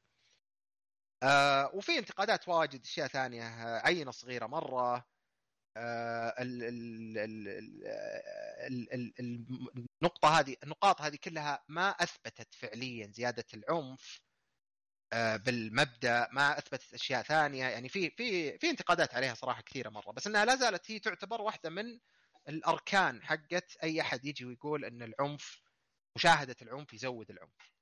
طيب لو بناخذ على خاصة إنها غريبة لأنها أتوقع مبنية على إن الأطفال يقلدون. اي وتحس إنه لو كان كذا صدق طيب ليه ما يسوون برامج واحد يذاكر ولا يشتغل ولا ايجابيه يعني صحيح. اي يعني إذا كان البزلان بس هم يسوون كذا الفكرة. لا زالت ترى من الطرفين. يعني كل برامج الأطفال تقوم على أنها بين قوسين تغرس الصداقة والمحبة والتعاون والمشاركة. بس مو بشكل إنها, إنها تأثر بشكل لا شعوري يعني قصدي. يعني هذيك تحس إنها تعليم يعني تعليم أكثر من تلقين. يعني إنه بس هذا الشيء زين وشفه وكذا وتعلم شوي إنجليزي على رياضيات على مثلا زين واحد يكون آه يعني بس أنا قصدي اللي اللي أنت قصدك هدفهم ولا وش يصير من وراها؟ لا النتيجة أنا قصدي تحس ان بعض الناس نفس المبدأ لأنه ترى لأنها مبادئ إيه. اللي هي اللي هي ال mirroring أو العكس في المرايه المرايه إن الطفل يشوف شيء ويسويه بالضبط نفسه أو ال modeling اللي هو المثال الأعلى بالنسبة لك تصير تقلده لها كلام واجد واثبات يعني شبه شبه مثبتة بس شبه مثبتة في, في الأطفال عموما. عشان كذا مثلا أطفال يسوون بعض التصرفات اللي يسوونها اهاليهم آه الناس اللي حولهم. ففيها يعني هو هو صدق إن الأطفال ممكن يقتبسون من اللي حولهم بس النتيجة أكيد أكيد. مو بأكيد إنها بتصير زي ما إحنا نتوقع. هذه قصدي النقطة. لا أنا ليه أنا أركز على النقطة دي؟ لأن كان أتذكر من هذاك البودكاست كان في بعض ال comments إنه آه تبغى تقول لي انه أجل يشوف عنيف مو باحتمال يعني مو بصا... مو مستحيل يصير عنيف والأطفال ما يتأثرون فنقطتنا بس إنه مو بأكيد مو بثابت مو ندري إيه بالضبط أنا... عشان نجزم ونسوي قوانين عليه. هذا أنا متفق معك. أنا بس كان قصدي يعني شوي أقول اللي حاطين إن الألعاب خلاص كأنها تبرمج الواحد يفترض إنهم مؤمنين بعد إن الاشياء الزينه تبرمج الواحد. هذا قصدي بس إنه يعني آه آه آه. يعني يعني إذا أنت تعترف إن البزر الطفل بيقلد أي شيء على عماها إذا تعترف ان بعض الاشياء زينة إذا خلاص انحلت المشكلة آه يعني آه فهمت قصدي- قصدك إيه. يعني آه يعني آه ما بيقول أحتقر بس يعني تحس إنها سخافة الفكرة إن الطفل هل تقول لي بس العنف يقلد الأشياء الثانية لا بس انت زي ما قلت إيه، الموضوع. اعقد إيه. من كذا يعني الواحد بالضبط إيه. حتى أحيانا يمكن يقلد بدون عنف يعني أنا أتذكر okay مثال هذا اللي الأمثلة المدري وش يعني. رقصات Fortnite لا لا لا أنا أتذكر آه، شيء قصدي شخصيا أنا. آه. إني يوم شفت مدري Rocky من زمان قعدت أنا واللي معي نجرب بس ما كان نبي نعور بعض. لا متحمسين مع الفيلم يعني ما كان فيه أي ما أدري مالس مدري إيش بالعربي. سوء نيه آه، قصد آه، أكثر من سوء نيه مالس يعني زي يعني هدف ايذاء ما أدري. اي يعني اي شيء لو مثلا أمسح ملفك يعني مو هو يعني- خبث ما هي مرة تشرح بس أحسها هي تجي شوي كذا طاخة ما أدري. اللي هو إيه. ف... فبس هذا كان قصدي ولا يعني إيه يعني الموضوع مو مو بهالبساطة ولا في مواضيع بهالبساطة اللي والله أي واحد يشوف أي لعبة. أصلا لو كذا كان خلاص كان صار عندنا أطفال آه، مجرمين من زمان. يعني GTA باع 100 مليون. GTA 5 آه، أكيد نسبة على الأقل 30% منها أقل من 18 ولو إنها هي لعبة 18 أكيد طبعا من راسي يعني. فهذا قصدي بس إني أسخف الفكرة إنه اللي يؤمنون هو الشيء يعني. فعليا هذه واحدة من الأشياء حتى اللي ذكرت في آه، شو اسمه في ال APA اللي هو ال- الجمعية حقت علم النفس طب النفس. آه، ذكرت في آه، منظمة الصحة العالمية وكلش ان زيادة عدد اللاعبين ما انعكس ال- الجرائم ولا العنف. العنف ما زاد. العنف أقل يمكن فترات التاريخ عنف هي الآن. مع أن عدد اللاعبين زاد مرة. ما زاد في المجموع يعني. على على الأقل ما في دليل. هذا هي أنت دائما يعني بين على من ادعى ما في دليل يعني مين مسألة إنك تثبت 100% الألعاب ما تؤدي العنف أبد لكنك تثبت إن الألعاب ما هي ما في دليل إنها تسبب العنف تسبب، صح. بشكل واضح. يعني دائما المدري المثال الذهبي عندي المخدرات المخدرات ما دخل من أنت ما له دخل وش نيتك إذا أخذت مخدرات بتلعب بك لأنه شيء فسيولوجي بحت. لها دخل بوش بيولوجيتك بس ما هو أنا وش فاهم، شخصيتك وش حتى بعد إيه. شخصيتك شوي كذا بس إنه يعني بس ولو إيه. إذا إذا أخذت أنا ما أدري ما أدري ما أدري إيش كميات المخدرات بس إيه، جرام لا- هيروين لو أربطك وأعطيك هيروين غصبا عنك بتدمن على الهيروين غصبا عنك إيه. حتى لو إنك ما تبغاه وحتى لو إنك تكرهه وحتى لو إنك كل شيء. اثر إيه، يختلف من. شخص لشخص بس قصدي الأثر لا زال ال- العامل الأكبر هو المادة نفسها اي ما هو بأنت ولا هو بنيتك ولا هو بعزيمتك ولا حتى وين أخذته؟ أخذته وأنت مبسوط ولا أخذته وأنت خايف؟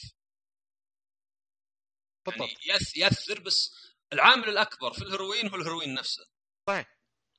عشان كذا عموما في تصنيف يعني عموما للإدمان إلى حد ما في الطب النفس عموما إنه فيه مو- مواد إدمانها نفسي ومواد إدمانها آه، عضوي ولا مادي يعني. من المادة نفسها تسبب إدمان. بينما مثلا الإضافات اللي حطوها مثلا جزئية آه، القمار أونلاين قمار هذا ما هو ما في مادة أصلا. آه، فهذا إدمان يعتبر إدمان مثلا نفسي وفي توجه أكثر شوي وعلى الجوالات بعد. أنا سويت بحث أنا ومجموعة من الزملاء قد سوينا بحث على آه، إدمان عموما في الجوالات وطلع في نسبة لا بأس بها طلاب الجامعة يعني يدخلون تحت تصنيف الإدمان بأثر سيء جدا على دراستهم وعلى مدري وشو كلها جوال. الجوالات الذكية خلينا. آه فهي تحس انه يعني- يعتمد على شخصيتك أنت واجد يعني. اي على على القدره على؟ ضبط النفس. اي اي لا خلينا ما أخليها أكثر من إنها قدرة على ضبط النفس كأنه شيء بس إنه إيجابي وكذا. آه، لها أسباب عضوية كثير. لأن حتى هذا النوع من الإدمان فيه انتشار في العوائل وفي طرق معينة من ال- ال- ال- السلوكيات و و و لها قصدي يعني مداخل واجد يعني يعني قصدي حتى القدرة على ضبط النفس شيء عضوي يعني شيء آه، وراثي بص لو تاخذ كلش طلع كلش عضوي بس إنه يعني عشان ما نصير بولارايزنج بالزيادة هو هو آه، تقسيم آه. لل- لل- للتوضيح يعني ولا إن كان يعني آه إيه يعني آه الأشياء البيئية. حتى قد سمعت أحد يقول إنه يعني ما أدري يمكن شيء كذا يجيب الإحباط بس ممكن مثلا الأطفال اللي أهلهم يحطمون فيهم. إنه بسبب إن الطفل ما ي... ما ما يسمونه ما يدافع. يعني يعني كان مثلا كان مثلا الضحيه هو هو السبب عرفت؟ بس تقدر يعني تاخذها بمبدا ثاني إنه ما يدافع لأنه أعطاه جينات تخليه ما يدافع إيه بس قصدي إنه يعني ما هو بس ما هو ما هو بس إنه والله عرضه لذا الشيء وتعرض له ولكن حتى كأن تركيبته هي اللي جايبت له الشيء من الأساس. آه فاهم قصدك بس هنا يدخلنا في آه شوي كنا نحط اللوم على الضحية. يعني هذه هي هذه هي عشان كذا قلت إنه يعني إنك هو اللي فيه كافي خلينا نقول بين تخلي اي تخلي على الضحية ويعني يمكن شوي يعني نقاش يكون عبثي. بس أذكر أحد قد قال هالشيء. قد قال إنه مثلا العيال أو الأطفال اللي أهلهم يعاملونهم أحسن عادة فيهم أشياء تخليهم يتعاملون يعاملون أحسن. السؤال هل هو ذنبهم؟ وهل هو, هو أصلا اللي فيهم شيء سلبي صدق ولا لا؟ اي لا لا هو هو حاول يطلع من الأخلاقيات. ما, ما يحط إنه ذنبه ولا لا. يحط فقط كسبب مسبب يعني. لا قصدي السبب المسبب هذا هل هو بعد برضو لو بتعكسها لو هذا الطفل موجود عند أحد ثاني هل معناها أنه أكثر احتمالية أنه يأذيه يعنفه؟ مو شرط. هو عموما يعني زي ما إيه، تقدر تقول مفتاح وقفل يعني إلى حد ما. لأنه مثلا أنا شيء ما يسوء ما شيء ما يمشي مع شيء ولا شيء زي كذا.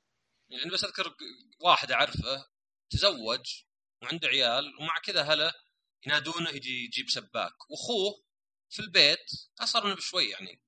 إيه. آه يتسدح آه. السبب إن هذا حبيب ويقول طيب وهذا يقول لا. وحتى الأهل اللي هم الأهل بيستغلون. يعني ما مو متعبين رؤوسهم. لا اوادم في الأخير يعني. إيه؟ يستغلون فتقدر تقول إن هذاك كان مو هو اللي يستاهل بس على الأقل يخليه يدري انه ترى مو متغير الشيء اللي تسوي أنت شيء. أنت إنك معطي أهلك وجه أكثر بواجد. يعني أنا ابى اساعد أهلي قدر الإمكان. بس بحس بالظلم إذا أهلي يخلون أخوي يتسدح في البيت ما عنده لا شغل ولا مشغلة وأنا اللي متزوج وأذكر يعني زي اللي يروح العصر يرجع في الليل. يعني يوم الله. كامل معهم. طيب على حساب عيال ترى زوجتك وأطفالك لهم حق بعد زي أهل.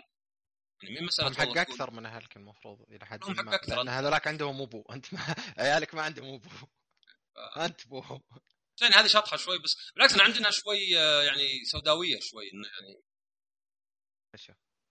إن إنك تقول مثلا انه يعني مو بيستاهل بس ترى هو اللي جايب له ذا يعني واجد الضحايا فيهم شيء مخليهم ضحايا جيدين. زي التنمر مثلا اللي يتنمر يختار منطقيا إيه. أكيد ما هو برايح المتنمر مو برايح يتنمر على واحد ثاني أقوى واحد في المجموعة مثلا جسديا. يروح يتنمر على اللي أضعف. بس هل إنهم أضعف هذا شيء سلبي فيهم ولا خليك من جزئية ذنبهم على قولتك عشان ما ندخل في الأخلاق. هل هو شيء سلبي صدق إنه أضعف جسديا؟ لا مو بشرط. كنا يكون بعد أضعف ثقة بنفسه بحيث إنه يعني الكلام يهزه مثلا. ممكن برضه. اي إنك تبي أنت ردة فعل.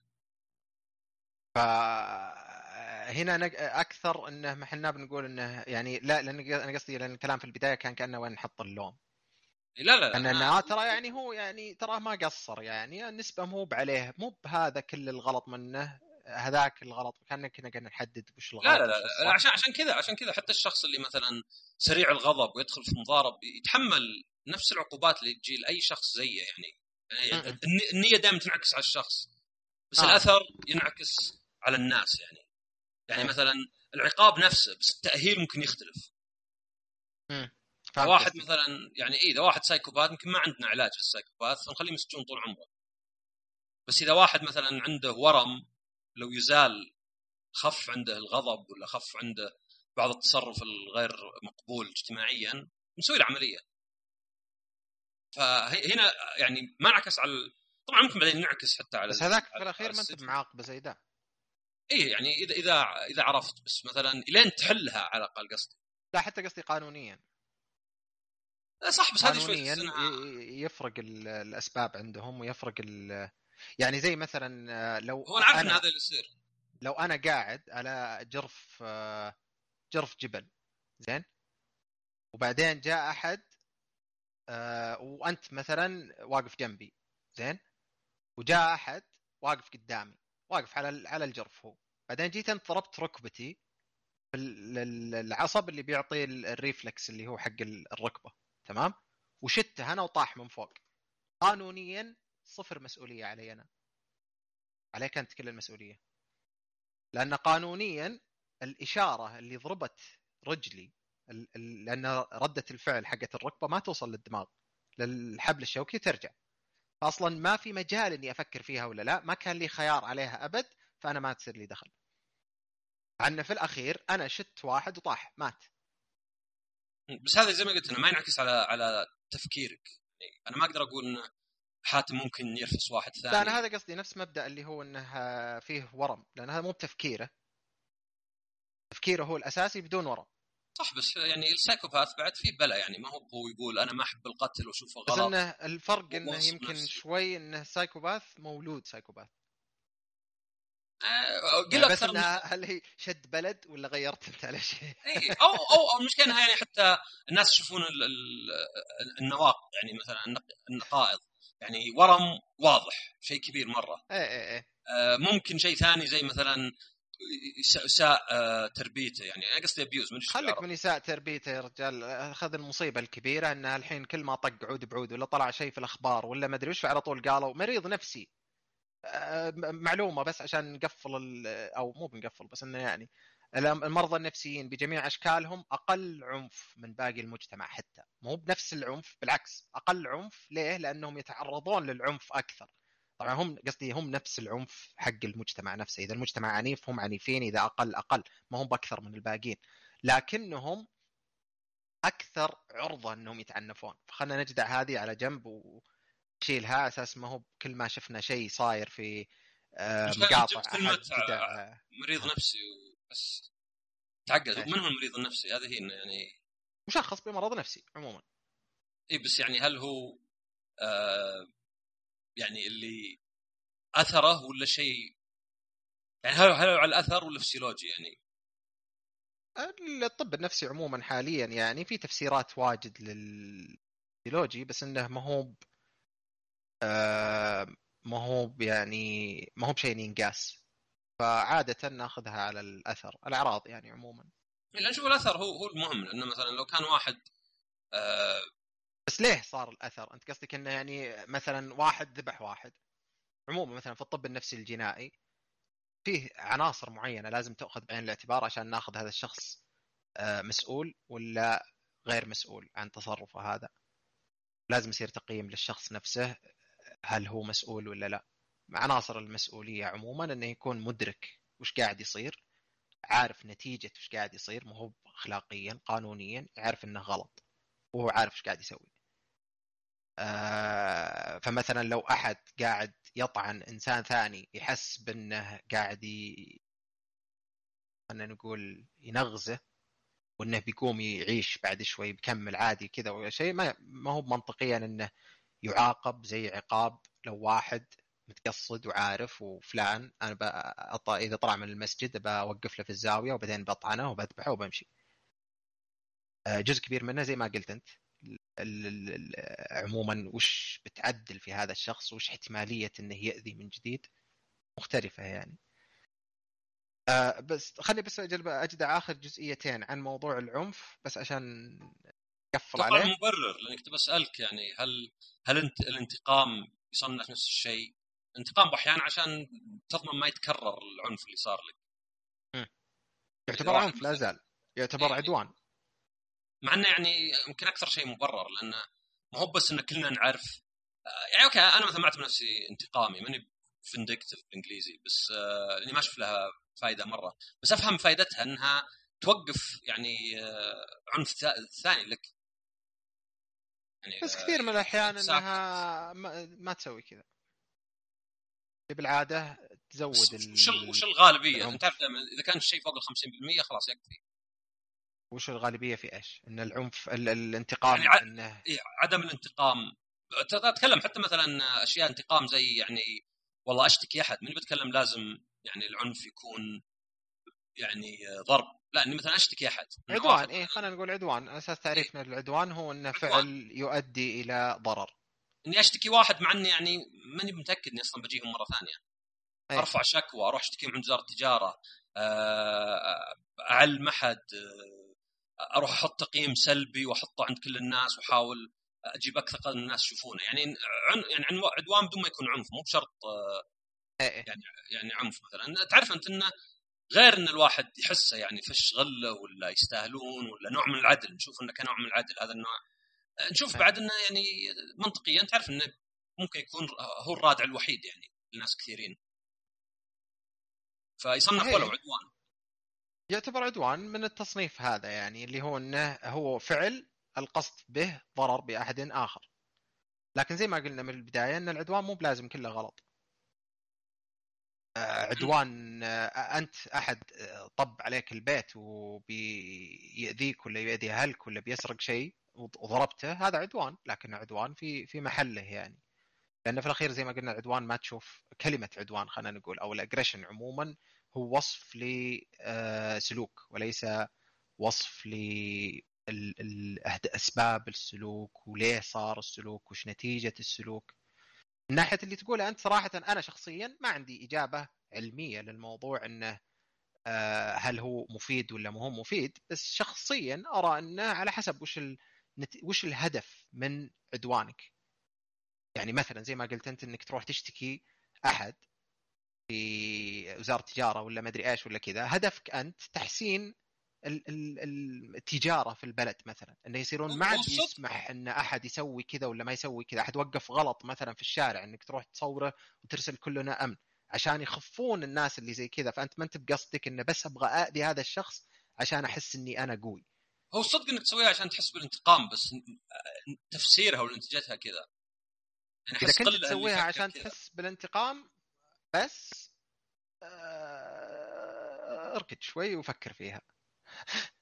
أكيد أي شيء تسويه في لحظتها دائما غلط يعني دائما. ما أدري لا ترد على حد إيميل اكتب إيميل ولا لا ترسل له عقب 10 دقائق اكتب. تغريدة وروح وتعال عقب خمس دقائق آه خبر واحد ما أدري طبعا هذا يمكن علميا مو بغلط مو بصحيح يعني أبد يمكن صح يقول العن ال- الغضب خمس دقائق أي شيء عقبه أنت تقدر تتحكم فيه يعني إذا عصبت من أحد هي أول كم آه.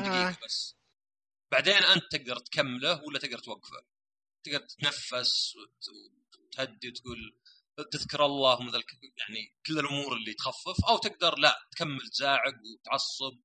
وشلون يسوي كذا؟ آه، علميا. عل- علميا ما ما فيه رقم قص يعني زي ما آه، يقول خمس دقائق يعني. ما لا، هو يعني ما في كذا رقم إنه- محدد ولا في وقت محدد يعني إنه ال- ال- المنطقي إنك تزعل أو تعصب لفترة معينة لأن العصبية عموما أو المشاعر عموما ما هي في تحكمنا بس بس بنحط فما جزء تقدر. تمنطق. زي لو بتمنطق انه لو أنت حزين مرة تقول يا أخي ليه أنا حزين؟ المفروض إني مبسوط. ما أنت بصاير مبسوط. صح بس إذا أنت مثلا شلت يعني اذا اذا إذا فكرت يعني إن الإنسان عنده إرادة على أشغاله تشوف حتى وأنت حزين تقدر تقول بروح مع أخوياي الفيلم وأنا مالي خلق بس لأني أحس إنه ممكن يغير جو.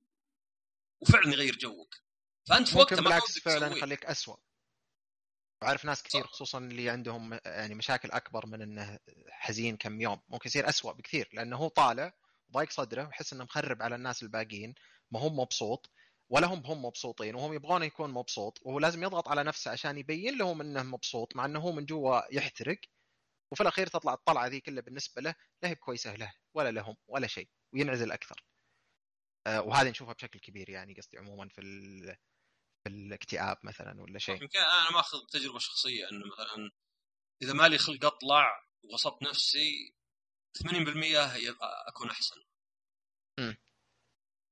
يعتمد على يعني التعريف تكون ال- تجربة ال- اللي أنت. فيه يعني. لا بس أنت بعد تتكلم على حزن وأنا أتكلم على اكتئاب كمرض. اي لا لا يعني ضيقة صدر يكون يمكن ما تصل للحزن ضيقة صدر ولا. ضيقة صدر. إيه يعني ممكن يكون قاعدين نجيب نقيضين للمعادله عشان كذا مختلفة شوي التصور يعني.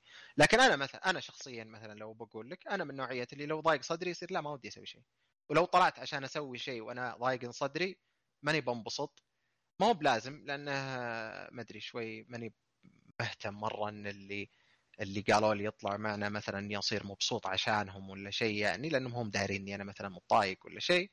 عارفين من قبل يعني ما هو باللي فاجأتهم فيه لكن في نفس الوقت آه عندي إنه ماني منبسط وماني برايح فيعني يختلفون الناس يمكن بس في هذه النقطة يعني. وبرضه في, في الاكتئاب يعني. بس في الاكتئاب أكثر لأنه مو مو بموضوع أبد ما هو تحت يدهم يعني.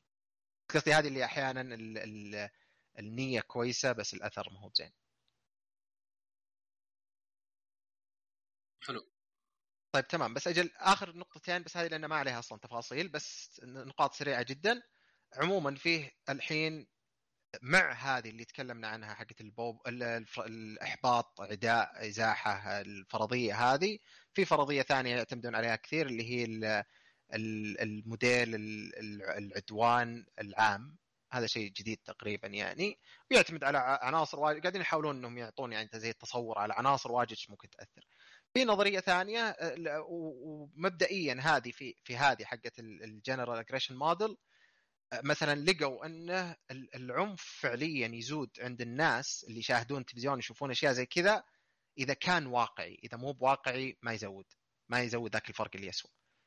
آه مثلا إنك والله تروح تعلم ولدك مثلا آه الصيد وتخليه وهو صغير يطلق بندق على آه على عصافير ولا على حيوانات هذا هذا على الأغلب بيزود العنف عند ولدك أكثر من لو يلعب فورتنايت قد يطلق من اليوم إلى بكرة. لأن في الأخير Fortnite مثلا وهو يلعبها مو بعنده انه آه في الواقع أقدر أبني جدار قدامي فجأة ولا مدري إيش ولا أشكال أصلا الشخصيات إنها واقعية مرة ولا شيء. يمكن هاي تصير مشكلة بعدين في آه، ألعاب VR و قدرة الأجهزة تصير أكبر أكبر أكبر بأنها تصلح يعني آه، أشياء أكثر واقعية بكثير. لكن على الأقل حاليا ما هي ما هي يعني على الأقل ما هي ذاك الحد يعني واصلة. مثلا آه، النظرية الثانية أو الفرضية الثانية اللي هي اسمها cultivation أو آه، شلون هذه؟ آه، الوحيدة اللي ما ما دورت لها ترجمة زراعة حصاد مدري ال... يعني التنميه التنمية تمام. آه انه ببساطة انه ال... ال... كل ما تعرضت أكثر لمواقف وأشياء فيها عنف كل ما زاد التاثر حقك أنت أكثر ونتكلم على الأخبار، الأخبار مثلا دائما فيها أخبار سلبية، ما قد ما قد نادر مرة اللي أخبار إيجابية مثلا في نشرة الأخبار. آه مثلا في آه، يمكن تذكر في وقت مثلا الربيع العربي ومدري إيش وكذا الناس صاروا أكثر مثلا ممكن إن في احتمالية العنف مثلا قد يكون متوقع إنها تصير أكثر لأنها قاعد تشوف في كل مكان حولك فصار هو الطبيعي إلى حد ما. آه الفرق في فيها في هذه النظرية لقوا أن الأطفال أقل احتمالية أنهم يسوون عنف لحظي الآن بعد ما يتعرضون لأشياء فيها عنف سواء التلفزيون ولا في الواقع. لكنها أكبر احتمال إنها تأثر عليهم بعدين لأن ما بعد ترسخت مخهم باختصار ما بعد اكتمل نموه بشكل كامل وارتباطات في مخهم والأشياء دي ما بعد كملت تماما يعني. ففي مجال إنها تتشكل بهذه الأشياء اللي هو مثلا قاعد يشوفها. بينما الكبار لقوا إنه بعد ما مثلا يشوفون أشياء عنيفة احتمال العنف يزود لحظي بعدها وبعدين ما عاد يصير في تأثير. ما يفرق بعدين. آه بينما مثلا عند الصغار العكس. طبعا هذه برضو ما هي زي ما قلنا ما هي آه يعني كل اللي تكلمنا عنه اليوم ما في شيء يقول هذا الكلام أكيد يصير. وهذه عموما هذه النظريتين هذه كلها تستعمل في تدعيم مبدأ اللي هو أنه ترى إذا شفت عنف احتمال أن العنف يزود عندك أنت أكثر. بس نرجع على جزئية احتمال يزود عندك أكثر أنت. إذا أنت أصلا ما أنت بقريب من أنك عنيف ما راح يفرق. إذا أنت ما عندك العوامل ما راح يفرق. إذا العوامل الكبيرة موجودة الثانية وبعدين يعني مثلا واحد في بيت وأبوه دائما يطق أمه وأمه دائما تطق خواته وإخوانه وتطقه آه إذا راح المدرسة في تنمر وإذا ما أدري إيش يصير له كذا. وعنده أصلا آه مثلا خلينا نقول المعدل الذكاء عنده أصلا هو منخفض شوي. وعنده مشاكل ثانية وعنده مدري إيش. ويلعب ألعاب مثلا يلعب آه Fortnite نجي نقول أيوه السبب Fortnite ما هو بذول الباقيات.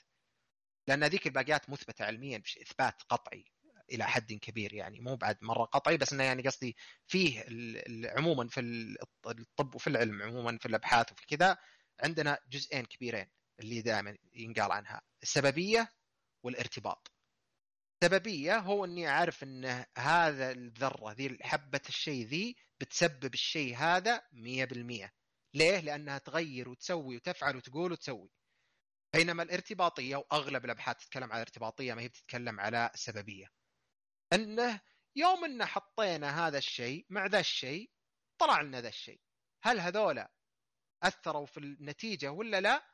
والله مقارنة بالناس اللي ما عندهم الشيء ألف أكثر شوي. طب ممكن إن في ظروف ثانية انت ما تدري عنها. أذكر المثال اللي أحطه أنا أقول إنه آه كثرة المساجد تسبب كثرة المطاعم.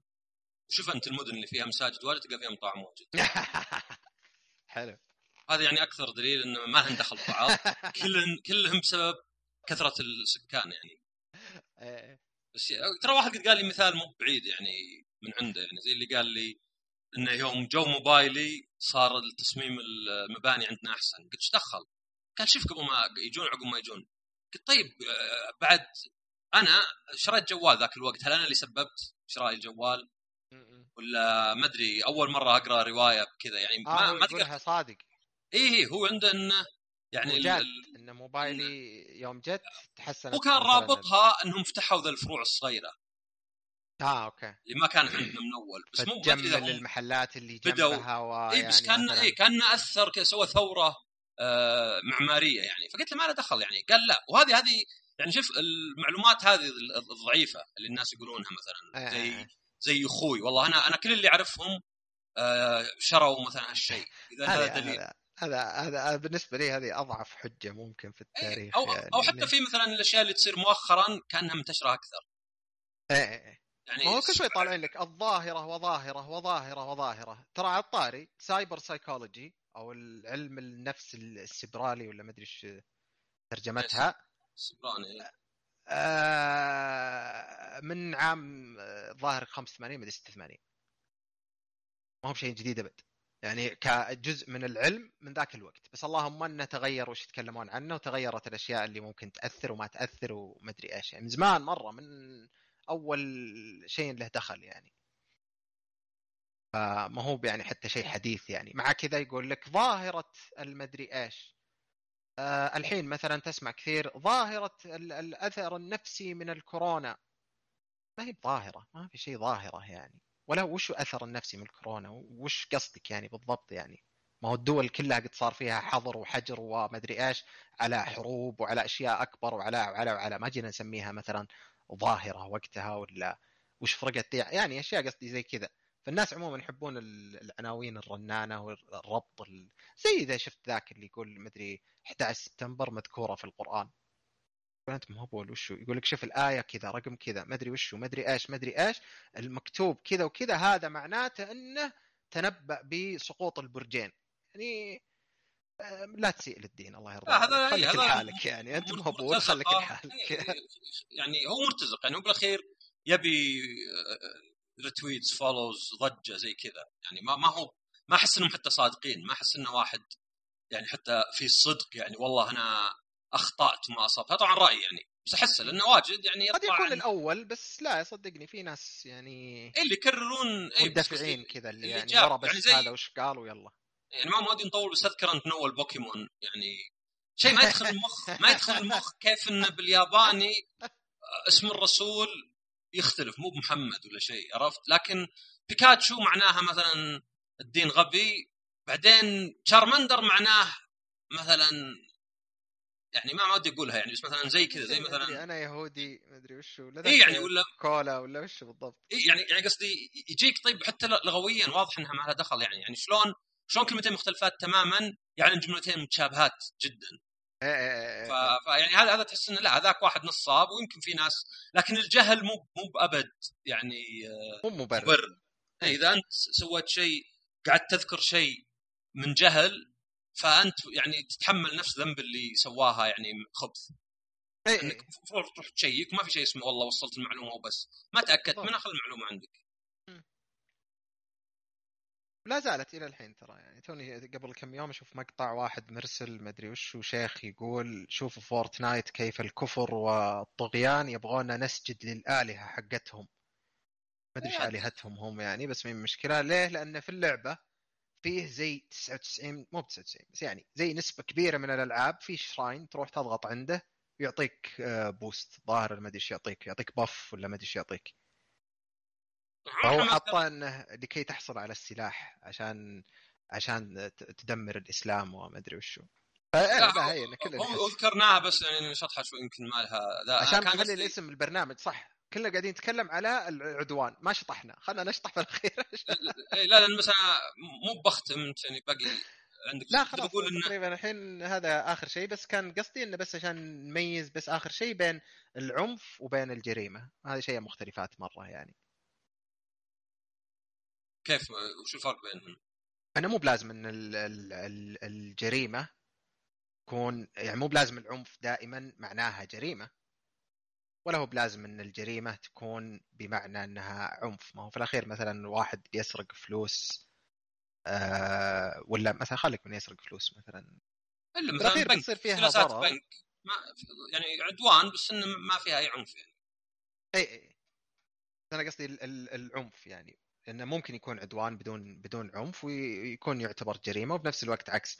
وهذا كان اللي كان في دراسات على إيش تأثير الألعاب على الأطفال وما أدري وشو إنه نسبة الجرائم ونسبة اللي هذا ما زادت أبد. ولا زاد عددها ولا زاد يعني ما زادت بعد ما توسع الاستعمال. وكان في حتى دراسة الظاهر ذكرتها ذاك الوقت إنه العنف الجريمة ما زادت.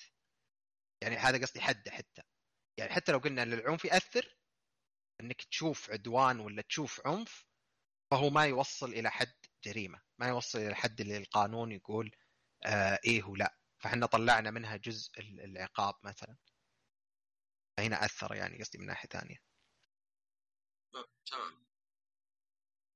آه أنا بس بختم بقول بس ما ان جبنا الألعاب والأطفال. اولا آه الفكرة ما هي بأنك يعني هذا زي اللي يقول لك مثلا هل في أبغى اكل صحي آه أنت بحياتك مو بصحية لأنك تقرب للموت شوي شوي. يعني ففكرة إنه مثلا والله في شيء صحي زي اللي يقول في أكل ينحف ما في أكل ينحف كل أكل يسمن. بس إذا أنت تستهلك طاقة أكثر من اللي تاكله. ف ونفس الشيء مثلا يقول أكل ماكدونالدز مو صحي. إلا صحي. أحسن من أكل سم أحسن من أكل قزاز ولا تراب. أحسن من عدم أكل. الفكرة كل شيء نسبة يعني. لا لا النقطة مهمة لأن بعض الناس يحسبون إنه مثلا في ماكدونالدز هذا زي مثلا يقول لك ما أبغى أكل في كيماويات. كل الأكل فيه كيماويات مواد كيماوية بس انت يمكن قصدك مواد غير عضوية مثلا. هذا اللي ممكن يقصده فعدم الدقة هي اللي تخلي الواحد يعني قد شفت واحد في بودكاست له خبرة أكثر مني يوم قالوا له كل الأكل في مواد كيماوية انهبل. حسب نفسه يعني مسمم. ما يدري إنه لا المقصود إنه كل شيء مادة كيماوية بس الأشياء الغير إيه. عضوية يعني تقل في الأكل يعني. آه فنفس الشيء هنا يعني ممكن أي شيء يسبب عنف يعني لو تبي ولدك ما يصير عنيف أبد لا تطلع من البيت. ما أدري بتجيب بلاوي ثانية ولا شيء. بس الفكرة إيه. أكثر اي الفكرة أكثر زي مثلا الحين كورونا الناس يطلعون لما يطلعون يروحون مطاعم. الفكرة إنك تشوف كل خطر وتحاول تنقصه قدر الإمكان بدون ما يقيدك ويمنع حريتك. نفس الشيء إذا أنت عندك ولد اي إذا كان عمره ست سبع ثمان يمكن أحسن ما يلعب ولا لعبة. آه يعني ألعاب آه إلكترونية ولا شيء خاصة انت ما تقدر يعني تكون مشرف عليه. لا لا ألعاب مرة يعني آه okay قل مثلا الألعاب اللي مي لا لأن في في في دراسات واجد وفي أبحاث واجد. تتكلم على فوائد للأطفال وتنمية قدراتهم على ال multitasking وعلى التخطيط وعلى الإدارة وعلى وعلى وعلى, وعلى, وعلى, وعلى, أنا قصدي إن العنف يعني نسبي حتى يعني مو لازم يكون في دم ولا شيء ممكن يكون كرتوني يعتبر عنف وهنا يصير صعب. يعني ممكن لعبة سبع سنين تصنيفها بس مثلا فيها عنف. أنا قصدي الفكرة إنك أنت أعرف المعلومات. أنا التربية صعبة. والناس ما أدري ليه يبونها تصير سهلة يعني. مع إنه يعني ما أدري من أول عيالهم يهاوشونهم الحين مثلا والله أنا ما أعرف ذي الألعاب وأنا أخوك واجدع عليه الايباد عشان يسكت بس. وليه؟ لأن كل عيال خالته كذا. يعني كأن الأهل صاروا هم تحت رحمة البزران بزرانهم بزران الثانيين فلا الفكرة إنه اعرف المعلومات هذه راقب واعرف إنه يعني الألعاب ما في دليل لا يعني إن أنا أضمن لك اللعبة ما فيها تسوي شيء بس ما في دليل إنها مسبب أكبر من كل الأشياء اللي حوله. العنف اللي يشوفه في المدرسة الأشياء اللي يسمعها القصص اللي يقراها لو يقرأ قصص الأفلام أي شيء ثاني يشوفه. يمكن حتى لو شاف قطاوه يتضاربون في الشارع يعني. فالفكرة بس إنه ما هو بهذا الضرر الشيء المضر الأكبر اللي لا انتبه هذا المفروض يمنع مثلا. لأن زي ما قلت أنت أنت تقول يعني أتذكر أنت مرة اخذت تغريده يوم طلعت أنت في سيرتي أو MBC. جو ناس واحد يقول لي كيف؟ غير مسؤول شلون يقول ذا الكلام؟ قلت وش شهادتك؟ قال ما عندي شهادة بس منطقي. قلت حلوة منطقي أجل شو دكاترة؟ خلاص لا لا تروح لدكتور ولا تسوي شيء كل شيء بالمنطق امشي عورك بطنك خذ الشيء اللي منطقي كذا. إيه. ففي عاطفة عند الناس مي موجودة بأشياء ثانية. لو واحد مثلا تقول له والله فيك ورم قال لك يلا دكتور أنت بو سمها بس الأشياء اللي كذا لا عاطفية اللي مثلا أنت المفروض تقول الألعاب عنيفة وتخط لأنها شيء غريب. شيء ما يفهمونه شيء يجهلونه فيخافونه. ولا يفهم إن الكلام دقيق جدا يعني الكلام مو بيقول لك الألعاب أبد عطى لعبة 18 فيها كل البلاوي واتركه وأنا أضمن لك ما يجي الشيء أبد. ولا أنت بتقول له انحش ترى هذا لو ولدك ملاك منزل من الجنة ممكن يقتلك. بالضبط. وهنا الصعوبة إن كيف تفهم ذا الكلام؟ الناس يقولون يتعبون شوي. فهذا بس يعني بنبه عليها لأن هذا هذا النقاش اللي يصير دائما يختصر إيه. كل شيء الألعاب لا تسبب العنف. الألعاب تسبب العنف. ويجونك ذولا عاد المرتزقة ولا الجهلة. صراحة اللي اللي من جهل ولا من خبث نية إذا ضرر كبير ما فرق معي وش. اللي ينشرون ذا الأشياء انتبهوا للألعاب. رأيت ولد عمي مدري ولدي بعدين تلقى اللعبة 18 ولدي عمره سبع سنين وهو مهمل تربية الابويه آه أنا بالنسبة لي إنه جاهل ما يفرق مرة عنه مرتزق. إنه يعني خبيث مسويها علشان بس ينشر كذب ولا يسبب ضجة لأنه بالأخير ضرره واحد. يعني هذا زي الشخص الارفل اللي دائما يدعس على رجلك. ما هو زي اللي صدفه فقد توازنه. بالأخير أه. تبعد عن الاثنين. أنا يا واحد يدعس على رجلي أحيانا لأنه في مشكلة يطلع عنده عنف كذا عشوائي ولا إنه إنسان ما يقدر يتحكم بنفسه على طول ويدعس علي الألم نفسه والتكرار نفسه ما عاد فرقت معي مرة. يمكن تفرق معي مرة لو بعاقبه بس مي فارقه معي بإني احاول أتجنبه وأكون حذر عنده. وما أدري عندك آه، كلمات ختامية؟ آه لا هو نفس اللي أنت قلته ما يعني ما في فرق بس إنه بس تنبيه للآباء والأمهات إذا كان أصلا في آباء وأمهات يسمعونا ولا شيء اللي مثبت إلى حد كبير مو مثبت بس اللي عليه على الأقل قيمة أكبر هي ال ال ال ولدك يلعب مع مين؟ قاعد يسولف مع مين في السماعة؟ هذه أهم بنتك قاعدة تسولف مع مين؟ قاعدة تسولف مع آه، ناس أكبر منها وقاعدين يتكلمون بكلام ما يناسب عمرها، قاعدين يسبون، يطنزون، آه، مدري إيه، هذه تفرق أكثر بكثير من Fortnite وشي.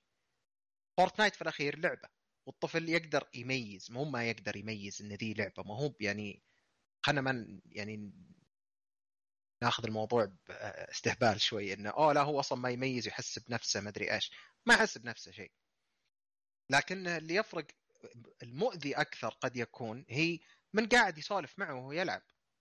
يعني خاصة إن ارضاء أرضاء الامداد أكبر يعني.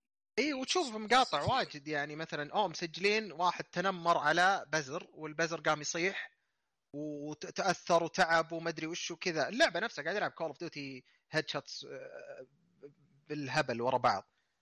بس يوم جاء هذا وقام يتكلم عليه ويتنمر عليه وما أدري وش ويهزئ فيه الولد مثلا تأثر كثير وصارت بالنسبة له ثقته بنفسه تأثرت أطفال في الأخير. فمهم الرقابة. زي ما قلت أنت ما هو إنه ما يسبب نقول ما يسبب ضرر. إحنا نقول ما شيء يثبت إنه يسبب ضرر. ما في إثبات خاصة ضرر لي... أكبر من الأشياء الثانية في الحياة. يعني حتى اي حتى ال ال الأشياء اللي ما هي بإثبات حتى الأدلة اللي تدعم نقطة إنه هو ضرر ما هو بأعلى ضرر. في أضرار أكثر بواجد بواجد في محيطنا ونهملها بشكل ضخم مرة. أن أحد يترك طفله مع بين قوسين مربية مع أنها جاية بشهادة عاملة وما ما يعني ما ألوم الشخص نفسه العاملة نفسها ألوم اللي أصلا موظفها بغير وظيفتها ويخلي طفله معه ويخليه بالأيام ولا ينام حتى مع الطفل ولا اللي هو. بعدين يجي يقول والله ليه ولد ولدي إنه تعرض مثلا للتحرش ولا ما أدري وش وأنا ما دريت لأنك مهملة. مسؤولية الأهل إنهم أول مسؤولية للأهل حماية أطفالهم. حماية أطفالهم مو بإنك تمنعهم طبعا بإنه يكون زي ما تكلمنا في الحلقة اللي قبل إنه مو بإنك تمنعهم انه ما يتعرضون لشيء عشان يصيرون أقوى ويصيرون كذا. لابد إنهم يتعرضون للحياة بس إنه لابد إنه يكون فيه شبك أمان موجود هناك يعرف هو ان فيه الحاله هناك. لو لحقني أحد أروح للحاله خلاص أنا في أمان يعني. الحاله هذه من لعبة آه، شو اسمه حبشه إذا فهذا المبدأ يعني هذا هو أهم شيء في الموضوع. أهم من نقول يعني العنف موجود من سنين جدي. الكاريكاتير اللي يضحك دائما اللي اشوفه اللي كل ما تذكرته قاعد تضحك اللي اثنين قاعدين يقصون رجال معلق كإعدام يعني ويقول له واحد مدري يقول له آه اللي قاعدين نسويه عنف يقول والله ما أدري ما بعد اخترعوا الألعاب أجل لا. إنه خلاص يعني كل العنف جاي من الألعاب يعني. فهذا المبدأ الأساسي في الحياة في رفعة صوتك آه، رفعة صوتك قدام آه، عيالك إنك والله آه، تتهاوشين مع صديقتك ولا شيء بكلام عنيف وشديد ومدري إيش وتهزيء. الكلام اللي من تحت لتحت بين الزوج والزوجة الأطفال يفهمونه. هذا العنف هذا التوتر هو اللي يأثر أكثر. نركز على هذا. إحنا بنقول إن هذاك ما في شيء بس نقول في أشياء أولى الناس يركزون عليها ومهمة مرة. هي اللي تأثر في آه، شخصيات أطفالنا هي اللي تأثر في عنفهم من من نقصه. وفي عوامل زي ما قلت أنت من ربي تزود موضوع العنف. هذه نحاول بالقدر المستطاع إن نسوي الأشياء الثانية اللي تمنع. وزي ما أي شيء في الدنيا زيادته ضرر ونقصه ضرر الألعاب نفس الشيء. زيادتها ضرر نقصها قد يكون ضرر بأن الطفل يصير معزول عن محيطه عن بيئته عن الناس اللي حوله ما يدري اللي هو أشياء زي كذا. أو إنه على الأقل منعته من آه، تحسين نفسه قدراته الذهنية يعني عموما. وبس يعطيكم العافية. يعطيك العافية. شكرا.